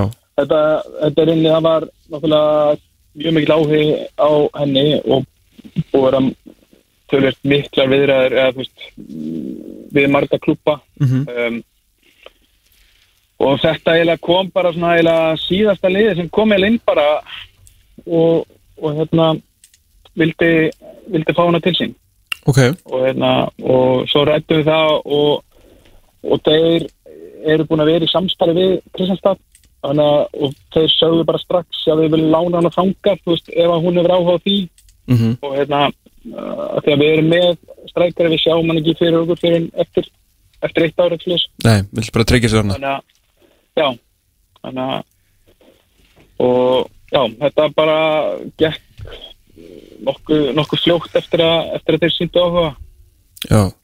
Hvað hérna, þú veist, ég veit ég fæ nú enga tölur upp en, en svona, getur einhvern veginn komið okkur í svona, leitt okkur hlustundur í, í einhvern skilning og fræðslu um það, í hvað, á hvað, þú veist, kalibur eru að tala, ég meina, þú veist, fekk keflaði alvöru upphæði fyrir hana, eða þú veist, er þetta, ég veit um við erum ekki kallaboltadæmi, eða þú veist, allan ekki ennþá, en, en, þú veist, er þetta alveg respectable, hérna, peningar sem er í gangi hana? Já, bara því miður eru þú veist, ennþá eru þetta bara mjög litlar fjárhæðir sem eru að fara mikið klúpana Ok. um, um, ég get ekki gefið upp hvað það var og ég veit það ekki sinni þannig að nákvæmlega. En hérna en veist þetta er yfirleitt er þetta upp í launakostna kannski síðast ári eða eitthvað sliðis Ok. en, en, hérna, en það hefur verið þannig að uh, skandinavísku klubbandir hafa lítið verið að kaupa. Veist, markaðurinn á innan Íslands er meiri heldur en eins og lið í Svíþjóður að kaupa leikmenn á. Já, það. Þetta, þetta er svolítið grilla sko. Og hérna þannig að þú veist það hafa að, við á Englandi hafa verið að kaupa leikmenn og í Þískalandi Mm en annars he, er eiginlega engi leikmannamarkaður. Þetta hefur mest verið þannig að leikmenn er að fara fritt á milli liða. Ok. Þannig að þú veist, það er svona herri upphæðir sem að farið bara á milli, skilur, breyðabliks og vals eða þú veist, þegar breyðablik og valur er að taka kannski þessar stelpur, svona kannski refnulegstur stelpur það er oft, oft á tíðum kannski herri peningar heldur en skandinavarnir er að kaupa leikmenn hérna frá Já. Já, ok það, það hefur verið þannig en þú veist, að, að, að, þú veist þær tölur sem ég hef verið að heyra innan Ísland sem að hafa verið að fara veist, milli leikmanna Mhm. og, og milli liða að þá hafa þær tölur verið herri heldur en en skandinavísku liðin hafa verið að kaupa leikmanna Ok, og þau eru auðvitað ekki að kaupa leikmann nei, nei, nei En hvernig er þetta með svona launatölur, svona cirka bát hjá svona leikmanni sem er kannski í klassa eins og, eins og Sara Björk? Hvernig eru launatölunar í dag í, í kvennaboltanum í þessum meðnum?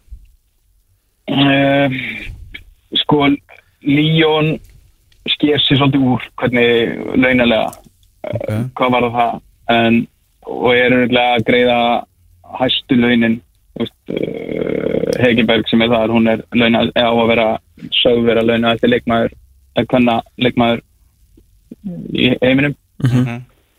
um, en það, það vantar töluvert töluvert upp á ennþá ef á að vera að segja um eitthvað jafnbrað í launum sko. Já, það, er bara, það er bara ennþá kíkant ykkur munur sko. En þú veist, það eru samt, þetta samt orðið þannig í, í þessum atvinnum mann að delta þannig að það er alveg svona, geta, ég veit auðvitað geta kallað sig atvinnumenn en samt meira, ég man bara eftir þarna, þegar stelpunum fóru á EM hvort það var síðast eða þar síðast og var svona, þú veist, Margrét Lára var að, að tala um að jú, jú, hérna, ég get alveg, veist, haft í mig á en, en þetta er svona, ég er ekkit mm. að fara að kaupa eitthvað sportbíl og svona, sko, þetta var nú meira bara þú veist, ekki einu svona bankastjóra laun, sko, þú veist, er það, að- er það búið að skána, þú veist, get, er það alveg um, Nei, ekkit, ekkit mikið Nei. það, veist, það, þetta, það vantar ennþá upp á uh, þú, er, þú getur þú veist, greitt leigu ef það er ekki skaffað húsnæði þá getur þú greitt leigu og í þau á skilur, en þú ert ekki að fara að gera mikið meira sko. Nei, þú ert ekki að fara uh, eins og Margaret sagði að kaupaði sportbíl eða eitthvað sko. Nei, þú ert ekki að fara með Gary Martin til Maldivea og Dubai? Nei, líklega ekki. Nei, ekki það er myndi vilja en er bara svona. Hérna, Já, ég, ég skilji, þetta er, þetta er áhugavert sko, að þetta er svona einhvern veginn uh, auðvitað náttúrulega, þetta er náttúrulega gleyma að þetta er í raun og veru svolítið ungt sport sko, þótt að sé knaspinna en svona hvernig knaspinna á þessu leveli, en er þetta þá ekki allavega að hérna, en er, er þetta að fara eitthvað virðist þetta að fara of hægt, þú veist, upp og áfram? Þú veist, manni fannst þeirra fyrir þetta blessaða COVID, þá fannst manni hlutinni vera, þú veist, þá var UEFA og FIFA setja meiri pening inn í þetta. Já. Þetta var vanlega þannig að liðin sem fór í Champions League, þau voru, þau voru Já, nákvæmlega eins og handbólta og ég man ekki að það var einhver, einhver sví hérna sem að hjá eh, Rosengård sem að var búin að sína fram á ég held að það 90, 99 eh, 98% af peningunum fóru í kallaboltan og það voru 2% af peningunum í, í kvennaboltan já, ekki, ekki hengið mig fyrir þessar tölur en, en þetta var einhver grein sem ég las en, en þeir eru búin að setja meiri pening en COVID hefur, þú veist, þá hefur svona aðeins hægst á þessu finnst mér. Þú veist, uh, klúpanir hafa verið varasamari við, það að sæna leikmenn og þú veist, það hefur verið svona minni eins og bara í kallabóttan líka menn er að taka aðeins, þú veist, rólera þetta er aðeins svona, svona það hægist á öllu. Já, já, já.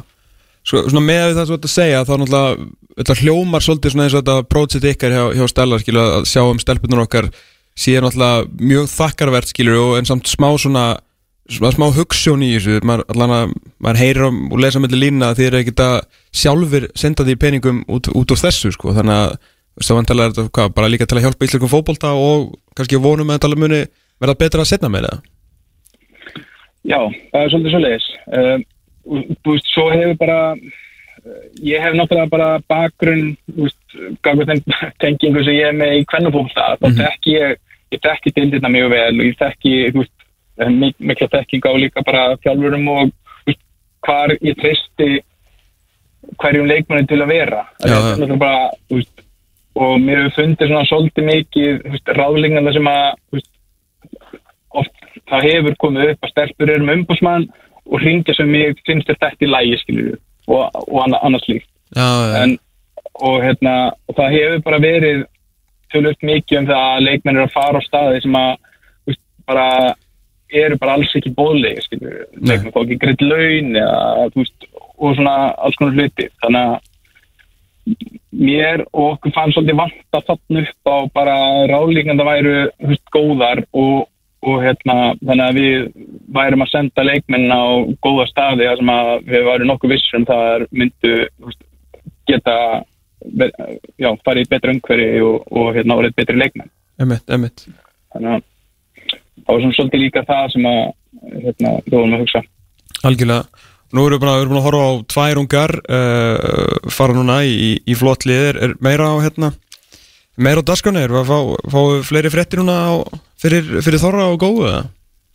Uh, það gæti verið en, en, en ég hef ekkert svona, við, við hefum verið svolítið selektífir á, á leikmennina Já, uh, sem við hefum verið að vinna með. Já. Hver, hver, hver eru þið með núna? uh, við hefum verið að vinna með Sveindisi, Karorínu uh, svo hjálpuðum við Hlín og, og hérna Hallbergu Ok, uh, svo erum við bara í viðræðan við fleiri leikmenn. Ok, ok.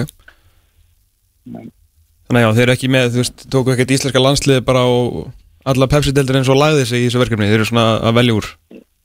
Já, og við hefum bara, veist, skoða bara, veist, við hefum fengið tölvöld fyrir spurtum og annað, við hefum bara, veist, reynt að skoða hva, hvað við getum gert. Mm og hérna, þannig að, já, það svona svolítið svolítið sem að við unnið þetta. Algjörlega. Frábært mál, gaman að heyrum þetta og fræðast Gilvi Sigursson, uppbúsmaður, takk kjærlega fyrir að taka síman og bara eða góðan dag. Já, já, takk það fyrir. Takk fyrir, bye bye. Já, takk sem þess, bye bye Við vorum hérna fyrir þættinum að tala svona um svona hvað, margt úlulegt getur gæst í byggarnum eins og með krakkalið Aston Villa í gæðir og svona. Einmitt.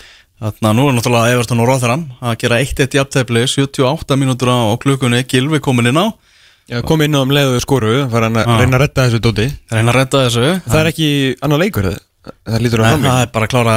Það Þetta er bara leikið til sögum Sólsöðum en er ekki annað hægt í þessu árferði? Ég held að að það sé allavega potið þannig. Það er bara beint í vítum Já, nákvæmlega, en náttúrulega þjálfarinn hjá Róðuram hann var á fréttamannafundi í gær, Paul Warren og hann var að tala um það bara hann myndi vera starstrukt þegar hann myndi mæta á, á stýra liðinu í þessu leik þegar Carlo Ancelotti væri að sínu mati bara nummer eitt búin að lesa bókina hans og ætla að ræða við hann um bókina og, og bara þetta væri kongurinn í bransanum að sínu mati Áhugavert. Já, það er dúlulegt sko. Við ætlum að þetta Stýttist í lendarælinga líka í að, hérna, að Wayne Rooney uh, ég held að hann svona hans framtíð sem knasputistjóri ég held að hún allar hjá Darby en gæti verið loki í dag. Þeir eru 1-0 undir á móti Charlie sem ég er ekki alveg sem að hvort það sé matur eða fótballalið En Darby er, þú veist, er ekki Rúni bara í sótkví og liðið og eitthvað? Það er líka svoleiðis þar. Ég að ég get ekki haft bara, ég næ ekki að halda utanum hver er sótkví og hver er ekki sótkví sko. Kristján Alli, er Já, það er þetta ekki, er þetta ekki rétt hjá mér? Er ekki Darby í sótkví og eitthvað? Eitthvað stór hluti liðsins? Ég, ef að Tómas veit það ekki þá finnst mér ekki eðlilegt og allir ég er að vita sko. að, að mér finnst það ósangett sko. Já, Ég er. Það er þetta rétt þér Ég, hérna, það er kannski að útskýra það Akkur eru þá 1-0 undir á móti Charlie Hva, Hvað sem svo sem Charlie er sko Herru, þeir voru með pulsu Svona hitapulsu á vellinu sína Hver er Charlie? Já, ég sá, sá myndaði var einhver breskur skriband sem að, sem að hendi mynda því á, á, á Twitter. Er Derby County has decided to face Charlie with player from its under 23 Það sem þeir eru allir í kvartin Já, já, blessaði strákandir Blessaði strákandir Herðu, en ég frá byggar Já, ég byrjum samt í byggarnum Hvernig fannst þér uh, dúlunar í Aston Villa að standa sig í ger? En þeir stóðu sér bara ekki? með, með að vera stoltir. Þeir, þeir hljóta af allir fara heim í búbluna sína og faðma mömmu og pappa að leikloknu Sína jóla kúlu þeir búa allir heima sko það, þetta er megnið það sem gæði mig grunnskóla held ég. Varstu, varstu farin að halda aðeins með þeim Eða ertu alveg hjartalauðs þegar kemur að Liverpool? ég er alveg hjartalus það er bara svo leiðis þeir, nei, nei, hérna það voru auðvelt að hrósa ungum strákum sem að stíga svona upp og, og standa sér vel, það voru auðvelt saman hvaða lið á Já, það er náttúrulega ömulegt þegar að lið lendi í þessu þú sér að Aston Villa vinna Liverpool 70 í haust og þeir, hlökkuðu orðlega rosalega til að fá Liverpool heimsókn aftur í þessum leik. Mm og lenda svo í því tveimur dögum fyrir leik að- ups, nei, þetta verður engin leikur, þetta verður skotæðing en svo náttúrulega var þetta engin skotæðing en, en, en hérna en, en leikurinn sem slíkur var náttúrulega bara ónýtur fyrir vikið, sko það var vilja vissu það, að best case scenario væri einmitt þetta, að kannski standa þessi hárun á á risanum og, og, og láta hann svitna eins og hafa fyrir þessu og geta búið höfuhátt eftir leik og það tókst, þannig að bara til hann ekki ást um vilja í rauninni -hmm. og Klopp sagði fyrir leik það er engin, það er ekkert scenario í þessum leik það sem að menn segja frábært hjá Liverpool veist, þetta- snýst bara um að komast áfram í næstu umferð fyrst þetta fór svona, hvernig þú gera það. Hvort sem þú vinnur 10-0 eða, eða þetta svitna í hálfleik og henda Tiago inn á til að bjarga málunum en, en ég menna mennur konu í næstum fyrir það því er ekkert að greina það neitt meira í rauninni. Þannig Ég er bara gaman að því fyrir ungustrákana þegar þú veist Tiago var settur inn til að redda þessu þú veist það var til að gefa þeim úrslega mikið bara þeir á, að vera að senda hérna frelsarinn inn á til að redda þessu, við erum svo góðir sko. sí, síni kannski sitt þessi hérna markaskóran hjá þeim Louis Barry sem að óbeitti í hérna brassan í Leopoldin var að skipta treyju og þetta treyjunni á Fabinho. Svo var einhver í tjálvaralinn sem kom að tala við hann og myndan á reglurnar þegar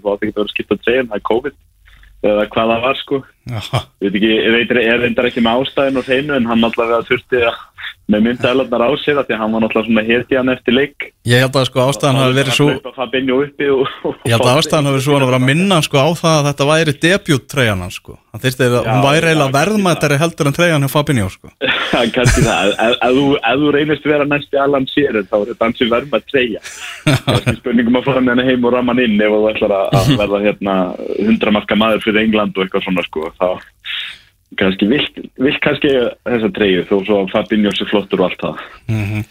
Heyrðu þarna Leopold tapaði fyrir Sáþántón eins, eins og frækt er. Uh, og það var nú ansið mikil svona bölsinni á mörgum Leopold mönnum þráttur að liði sig jú í efsta sæti hansku úrvastildarinnan það maður svo bara, menn voru bara farnir að útiloka margi hverjir bara möguleika á titlinum og ég veit ekki hvað og hvað. Ég held að sömur er bara farnir að spá í hvað verður langt nýri í fallið sko Ég hef aldrei séð aðeins bölsinni með veist, besta liði samkvæmt töflunni.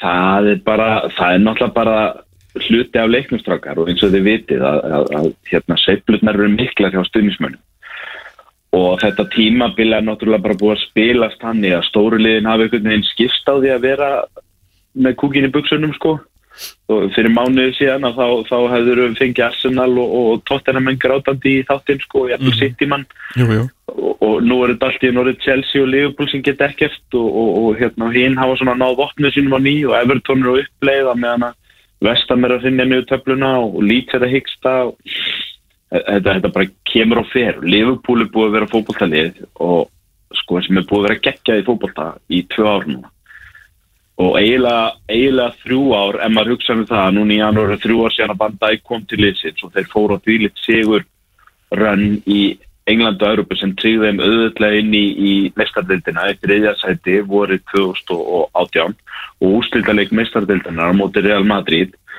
Og árið og eftir vinnaður svo aftur mestardildin og farið 97 stíði dildin og svo í fyrra að, að, að þá faraður í 99 stíði og rústadeildinni Þetta er í fyrsta sinn í rauninni í þrjú ár sem að við getum sagt, heyrðu, Leopold með allt niður sem við þurfum að greina hvað er Leopold.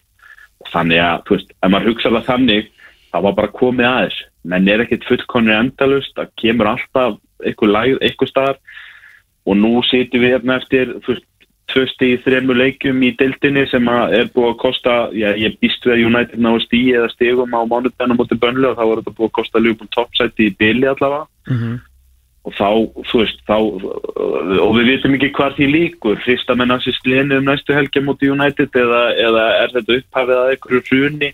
Er, eru kannski öll þessi meðsli og, og þessi miðvara, þetta miðvaravissin er það loksins að byrja að kosta liði núna eftir kannski óvenju gott gengi í november og desember eftir að menn mistu bæði Van Dijk og Gómez út og svo núna Matip. Það verist vera svolítið að, að Matip meðslun hafi verið kannski kottni sem fylgti mælinn því að þeir voru að vinna þann leik fengar öðla á móti Vestbrón á heimaðalli þegar Matip fer mittur út af og það kemur eitthvað hík á lið og Rhys Williams kemur inn og, og, og, hérna, og Vestbrón menn vaða ganga svolítið á lægi og jafna þann leik og síðan hefur Leopold verið að reyna að nota mið, miðjumenn bara í vörnin og annað og það hefur eiginlega meira kostað að framáfi heldur en afturöði þegar þú ertu óörugur svona aftast að þá getur þú kannski ekki spila þennan hápressu og háspennu áhættu bolta sem að Liverpool vil spila frá miðjun og upp úr. Og hérna og það hefur kostað liðið það. Þeir hafa ekki skorað hérna mark síðan að þeir skoruð þannig gegn Vestbrón þanga til loksins í gæra það brustu svona einhverja stíplur á móti villa strákunum og, og hvort að það er eitthvað kaplaskilja á liðinu verður bara komið ljós. Verður, það verður bara dæmt um næstu helgi á móti United hvort að menn sneru við einhverju bladi í setni hálfleik gegn Aston Villa liðin í gæri eða ekki. Já. En af hverju hérna hérna af hverju er Natt Guðnarsson ekki að spila meira? Þessi Rhys Williams er hún það er einn hægasti fókbaltamaður bara í heimi held ég. Það er eitthvað. Uh, ef að, klopp er að velja 19 ára Rhys Williams fram, fram yfir 23 ára Nat Phillips að, hérna, að þá, þá er það greinilega eitthvað sem hann er að sjá á æfingarsæðu. Phillips hefur alveg átt fína spretti og Rhys Williams líka inn á milli Mhm. en maður sér það samt alveg langa leiðir að þetta er hvorur að í hvoru, já, Fabinho er alveg tveimur klössum betri miðvörður heldur en þeir og hann er miðmaður. Emmitt, í að tveimur sko. hvað, þá að vera með Van Dijk og Gómez og ég sagði það svo sem þegar ég kom til ykkar síðast hérna fyrir jól í desemberbyrjun Mhm. þá sagði ég ykkur ég byggist við því að þetta myndi kosta Liverpool þetta þýðir það að Liverpool er kannski baráttunum um titilinn en svo barátta er bara opinn og spennandi og, og Liverpool er ekkert líklegri en aðri til að vinna dildina í ár. Emmitt, spurningin er síðan þessi titringur sem hefur skapast í kringu það að Klopp sagði strax í vikunni að það, þeir myndu líklega ekki kaupa miðvörð í, í janúar. Þar náttúrulega kannski eru svolítið að rekast á núna þessi innkaupastefni hjá Liverpool. Ef að rétti maðurinn er ekki til á réttu verði þá kaupum við ekki, við erum ekki að kaupa til að kaupa bara eitthvað. Og, og hérna, og menn eru reyði búin að býða eftir rétta bítanum og, og menn hugsa með sér að við þurfum að býða fram á sumar eftir einhverjum e- e- einhverjum spaða sko frá, frá Leipzig eða Napoli eða eitthvað, þá er alveg gott að býða bara fram á sumar eftir að Gómez og Van Dijk séu orðnir heilir aftur. Mhm. en svo er, svo er annað sjónarhóttn í þessu sem að ég verði eiginlega að taka svolítið undir sem er það Liverpool er í döðafæra titli í ár. Og Liverpool hefur unnið einn titil núna á síðustu 30 árum og það má ekki taka því sem gefnu að það verði alltaf næsta ár eða næsta ár þó svo að liði sér gott núna. Góð og mér, mér finnst að megi alveg skoða það. Ef, ef þú þarfst að borga 10 miljónum meira en þeir þætti kannski þægilegt fyrir eitthvað gaur sem getur hjálp, komið núna og hjálpa liðinu núna, hvað sem hann heitir Mhm. og, og auðvitað náttúrulega það, má það ekki vera hver sem er, það er samt að skáta hann og kaupa skimsalega auðvitað það þeir eru klárlega með heilan hera mönnum á, á blaði, menn þetta er Liverpool sko. Að að ætla að segja við sjálfa sig við öndur rólega fram á vorið og ef þetta kostar okkur titilinn þá er það bara allt í lagi. Við getum lifað með því á COVID-tímum og bara we go again næsta haust. Það getur vel verið að það sé bara ekkert opið fyrir það næsta haust. Kannski eru bara allt í einu aðstæður breyttar næsta haust kannski fer Sala. sumarið sem Mo Sala ákveður að vilja fara frá Liverpool og, og, og United og City og, og Chelsea ná bæði öll vopnum sínu með eitthvað skilur þannig eitthvað að dyr lokast hjá Liverpool á næstu leikti og mér finnst það rosalega það er, það er rosalega línudans allavega með ekkert öryggilsnef finnst mér að ætla að ætla ekki að gera það sem þarf ef að það er mögulega hægt í januar til þess að, að því að staðan er svo, þú veist, þið sjáu það alveg Liverpool er sennilega besta liðið í þessari deild ef þeir eru með miðveri sem fungera. Það, það vantar þetta upp á það að Liverpool sé ennþá að drotna í þessari deild. Þeir eru ennþá efstir þráttur að hafa verið að spila með miðjumenn og unglinga í, í miðvörðastöðunum núna í 2-3 manni. algjörlega, hjartar að samanlega Þa, þannig að, þannig að eftir, eftir að segja mér að Ben White hjá Brighton eða eitthvað álíka gæti ekki komið inn og gert gæfum unin til þess að menn loki hér öðrum titlinum í röð. Það er allir líka að reyna að skrifa, allir, margir reyna að skrifa Jannik Vestegård líka til Liverpool Já, ég meina bara hver, hver sem er, það eru valkostir að núti. Það er, ok, það er ekki eitthvað vandæk í janúar á lausu á markanu núna, en ef þú ætlar að, þú ætlar að setja þann standard að þú bara kaupir ekki liðin ef þú getur fengið vandæk eða Tiago, þá, þá ertu búin að þrengja ringi rosalega mikið og, og ég, ef þú ætlar að horfa á það sem að er verið að bjóða upp á í dag, sem að er Jordan Henderson í miðveri eða, eða 19 ára Rhys Williams, þá, þá þarftu ekki að, að einu svona reyna að samfara mig um það að það sé ekki fullt að miðurum hann úti sem séu be- betri valkostir í næstu 30 leiki heldur en þessi tveir menn við hlýna Fabinho. Af því að Joel Matip er bara þannig gerður og hefur verið í núna fimm ár hjá Liverpool. Hann, hann er kannski komin inn í liðu næstu helgi, Klopp sagði kannski gegn United, en það er gæði sem spila 2-3 leiki svo er hann aftur mittur. mm En heldur að fara að Það er ekki ekki þetta að treysta á hann, það er ekki þetta að segja þegar að Matip kemur inn verður þetta í lægi. Það verður ekki til lægi því að hann er að fara að missa úr fleiri leiki fram á voru. Mhm. Og vilja menn aðeins í handabökin eftir á og segja "Ah, við hefum nú kannski ekki átt að taka súkulega kleina og setni hlutan að þessu tíumfél það sem þetta verið döðafæri því að nú er þetta orðið erfið. Ég meina United getur verið þremur stegum á undan Liverpool næsta sundag þegar þeir mætast og svona fyrir að vinda eitthvað hvaði kross að fara yfir í stórleikin Neðutalingin er í fullum gangi átta dagar í þetta er þetta, er þetta fyrsti hvað var að segja, er þetta fyrsti svona stór, stór, stór stórrisa toppslagur þessar liða síðan 2009 Já, hvernig þessi staðan er á United, hvort sem maður vinna börnlegi og fara upp fyrir Liverpool eða, eða tapa og eru jafni Liverpool og stíðum með hvað. þá er það bara staðri enda Liverpool, Manchester United eru stærstu fótboltafélög Englands og, og, og þau eru að fara að spila hér leik í januar fyrir leikin af tveimu, gleymið því ekki að Liverpool á eftir að fara Old Trafford Mhm. í þessu deild, en þau eru að fara að spila hér toppslag í titilbaratu á Englandi í fyrsta sinn síðan 2009 Já And, bara Fabio. Aurelio og Andrea Dossena leikurinn. Þessi, þessi lið hafi ekki bæði á sama tíma verið í sens á þessum tímapunkt og tímambili síðan 2009 og það er bara risastórt það er bara þannig, það er einfallega stærra heldur en Liverpool City í slagum titilin eða United og City eða United og Chelsea eða Liverpool og Chelsea. Þegar Liverpool og Manchester United eru í þessum þessari stöðu þá, þá bara nötrar allt. Og við sjáum það að ég hló svolítið að í vikunni, ég gæti ekki annað að, að hérna, United menn voru í rauninu vistust allavega á Twitter og Facebook þeir sem ég þekki vera komnið bara með augun klárlega á Liverpool þó svo United ætti eftir að spila byggarleik við City og síðan deltaleik við Burnley áður en þeir mæta Liverpool. Það voru menn bara búin að stilla Liverpool á, á, á hérna, skotskífuna og farnir að hita pílunar upp sko. Og, og það, segir, svo, það segir bara sitt um leikin og það er náttúrulega kannski ef eitthvað er, þetta stærra fyrir United stundismenn heldur en Liverpool stundismenn því að þeir eru kannski svona loksins komnir í, í þetta í, í, með augastað á toppsætið aftur eftir, eftir nokkuð mögur ár Já. Hvort það endist eða hvort að þetta sé þeir náttúrulega eru búin að vera að vinna 11 leiki í England í röð. Það eru bara sér 2-3 meistardildaleiki sem að slóa en sá annars frábært gengi hjá þeim síðustu 2-3 mánuðina. Hvort að það sé eitthvað sem að líkur núna fljótlega og þeir svona fölna niður í svona segjum við að gæsa alveg bara mistardildasæti eða hvort að þeir eru að fara að leggja núna með kannski sigur á bönli og sigur eða jafntefni á anfíl draugin af því að hreinlega bara reynlega bara geta þetta geta fara allar leið, það verður bara komið ljós. En þeir eru allavega klárlega í sens eins og eru að spila núna og eins og, eins og stemmingin er í kringum klubbi núna.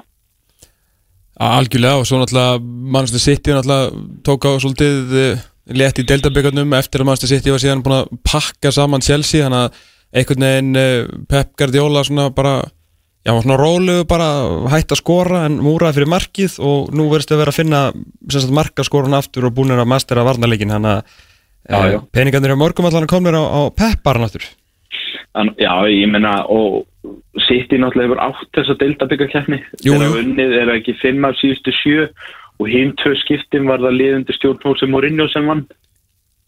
Og, og, og, og, og City er einmitt að fara að mæta Mourinho og Tottina í úrslitum þannig að þú veist, deltabyggjarinn er bara er það ekki kannski svolítið lýsandi fyrir hvað, hvað City hafa gert í peningamálunum? Þeir eru alltaf með langt mestu breyttina þannig að þeirra bjelið er sterkara en bjelið hjá hinnum og þessu neða er alltaf í undanúslitum úrslitum í deltabyggar og þegar þú er komin í úrslit í deildabyggarnum að þá, þá þarf bara eitthvað tonnatak til að leggja uh, Pep Guardiola og Master City að velli.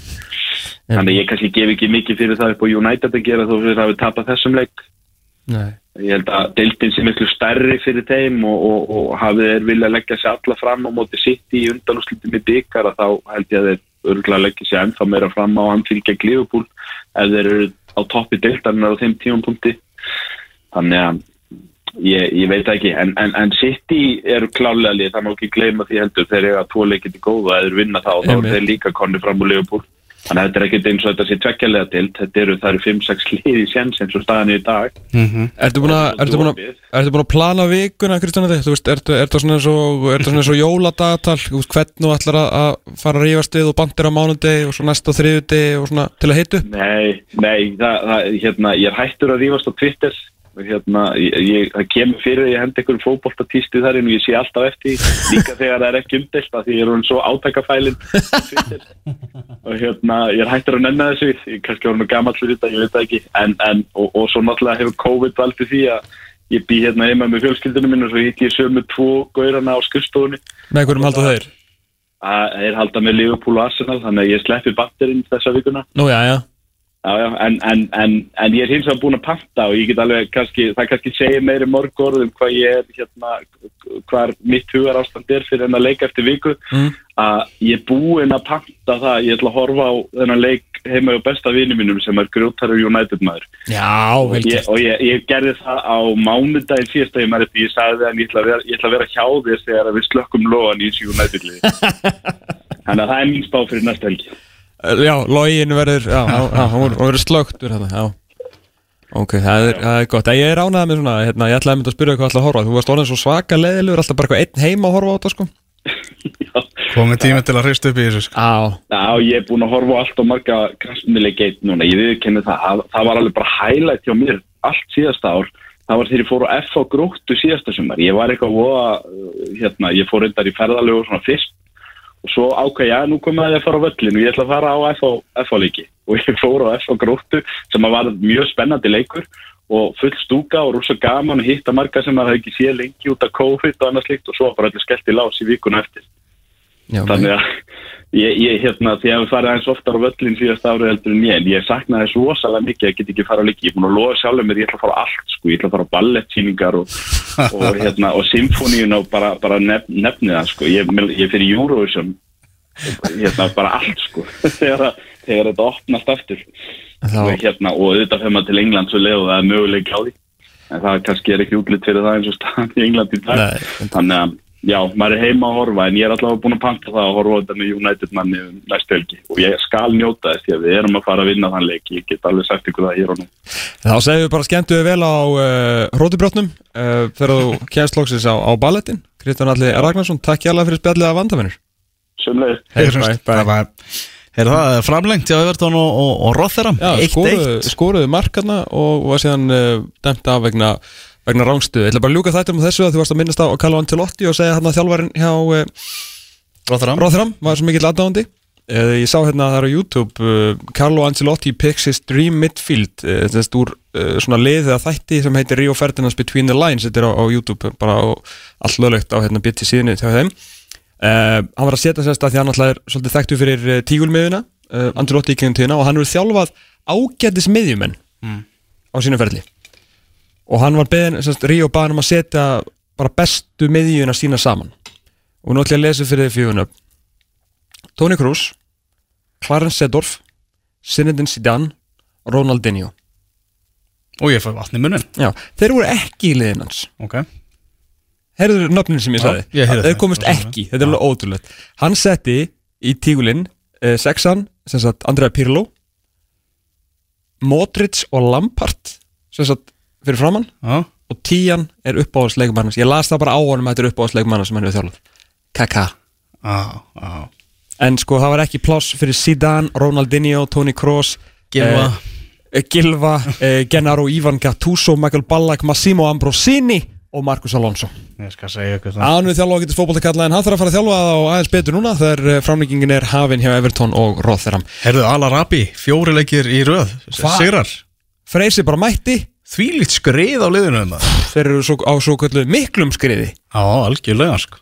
Við, við vorum hérna með Mitch Freele Íþróttafrættamann sem er í Katar og hann var að tala um sögursaknir um að vera komið að sæti verið orðið heitt hjá heimi og svona og heimir bara búin að raða inn sigrónum núna. Já, ég setti bara klaka póka át á sæti og bara grenjand og látir það sko. Þú er búin að horfa svo mikið á þessu umfyllun og þessa leiki að þú farin að tala arabísku. Heldur betur sem mun henda vel þegar HM verður haldið þetta á næsta ári. Já, 2022 Já, Ég vil reyna með þetta. Herru, ég held að við sem bara búinir í dag eh, Síma þáttur, herru mig Gilvar Sig umbúðsmanni um svona þeirra nýja verkefni hjá Stellar Nordic eh, að, að koma stelpunum okkar eh, út áhafur hlutir að þið gerast það Tölum við Emil Pálsson sem átti sitt besta tímabili í aturumennskunni, hann er ekki að pæli að koma heim en neitaði ekki fyrir það að F.O. og Valur væru búin að ringja sem við erum náttúrulega búinst alveg við svo Já sem við höfum búin að því eru búin að því Kristján Alli var á línni líka um eh, Liverpool og eh, stórleikin eftir 8 daga Liverpool Manchester United gerðu við eitthvað meira? Nei, það var það bara upptalið held ég. Á, Nei, Ólafur Kristjánsson Óli sem Kristjáns er talandum að vera skriði, er búin að vinna 6 síðustu leikina í eh, dönsku bjöldildinni og er á hraðri leið þar bara upp, um, upp úr deild sko. Já, Mánur hérna fyrir utan hurðina, það er á nætishelgi að fara að byrja. Já, mánu, já, byttaði bara aðeins. Uh, en hann er að fara að byrja en við verum reyndar hérna aftur eftir 6 og 22 tíma þanga til, verið þið sæl